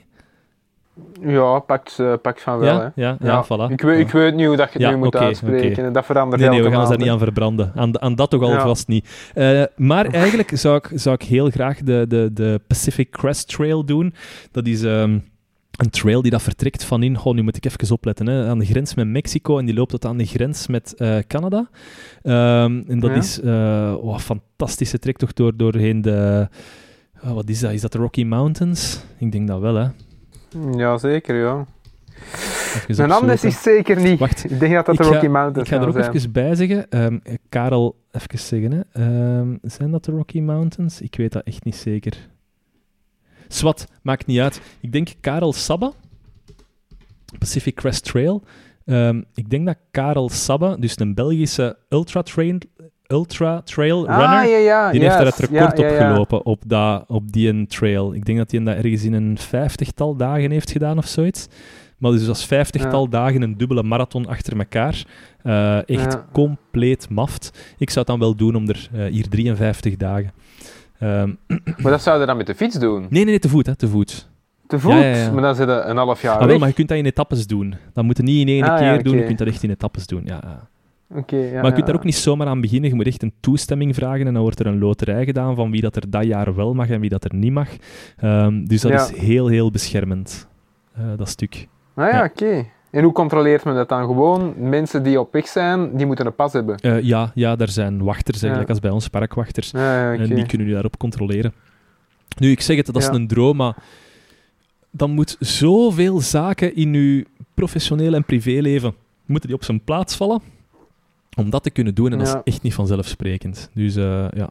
Plus ook, Ja. met wie gaat het? Gaat je met twee? Ehm, kan die persoon u uitstaan voor zo'n grote periode? Eh, dat vraag ik me dan altijd af. Dat zijn voor mij de grootste bekommernissen eigenlijk. Doet je het alleen? Ja. Kunt je jezelf af voor zo'n grote tijd? Of Ja. kan die andere persoon u uitstaan? Ja. Voilà. ja, dat is eh, iets om mee te nemen. Oké. Voilà, ik denk dat we rond zijn. Als mensen goesting hebben gekregen, wat ik eh, absoluut aanneem, om morgen te beginnen bergwandelen, dan weten ze wat ze, wat ze moeten doen. Hè. Ja, ja, ik hoop het wel. Steven, enorm bedankt Ja.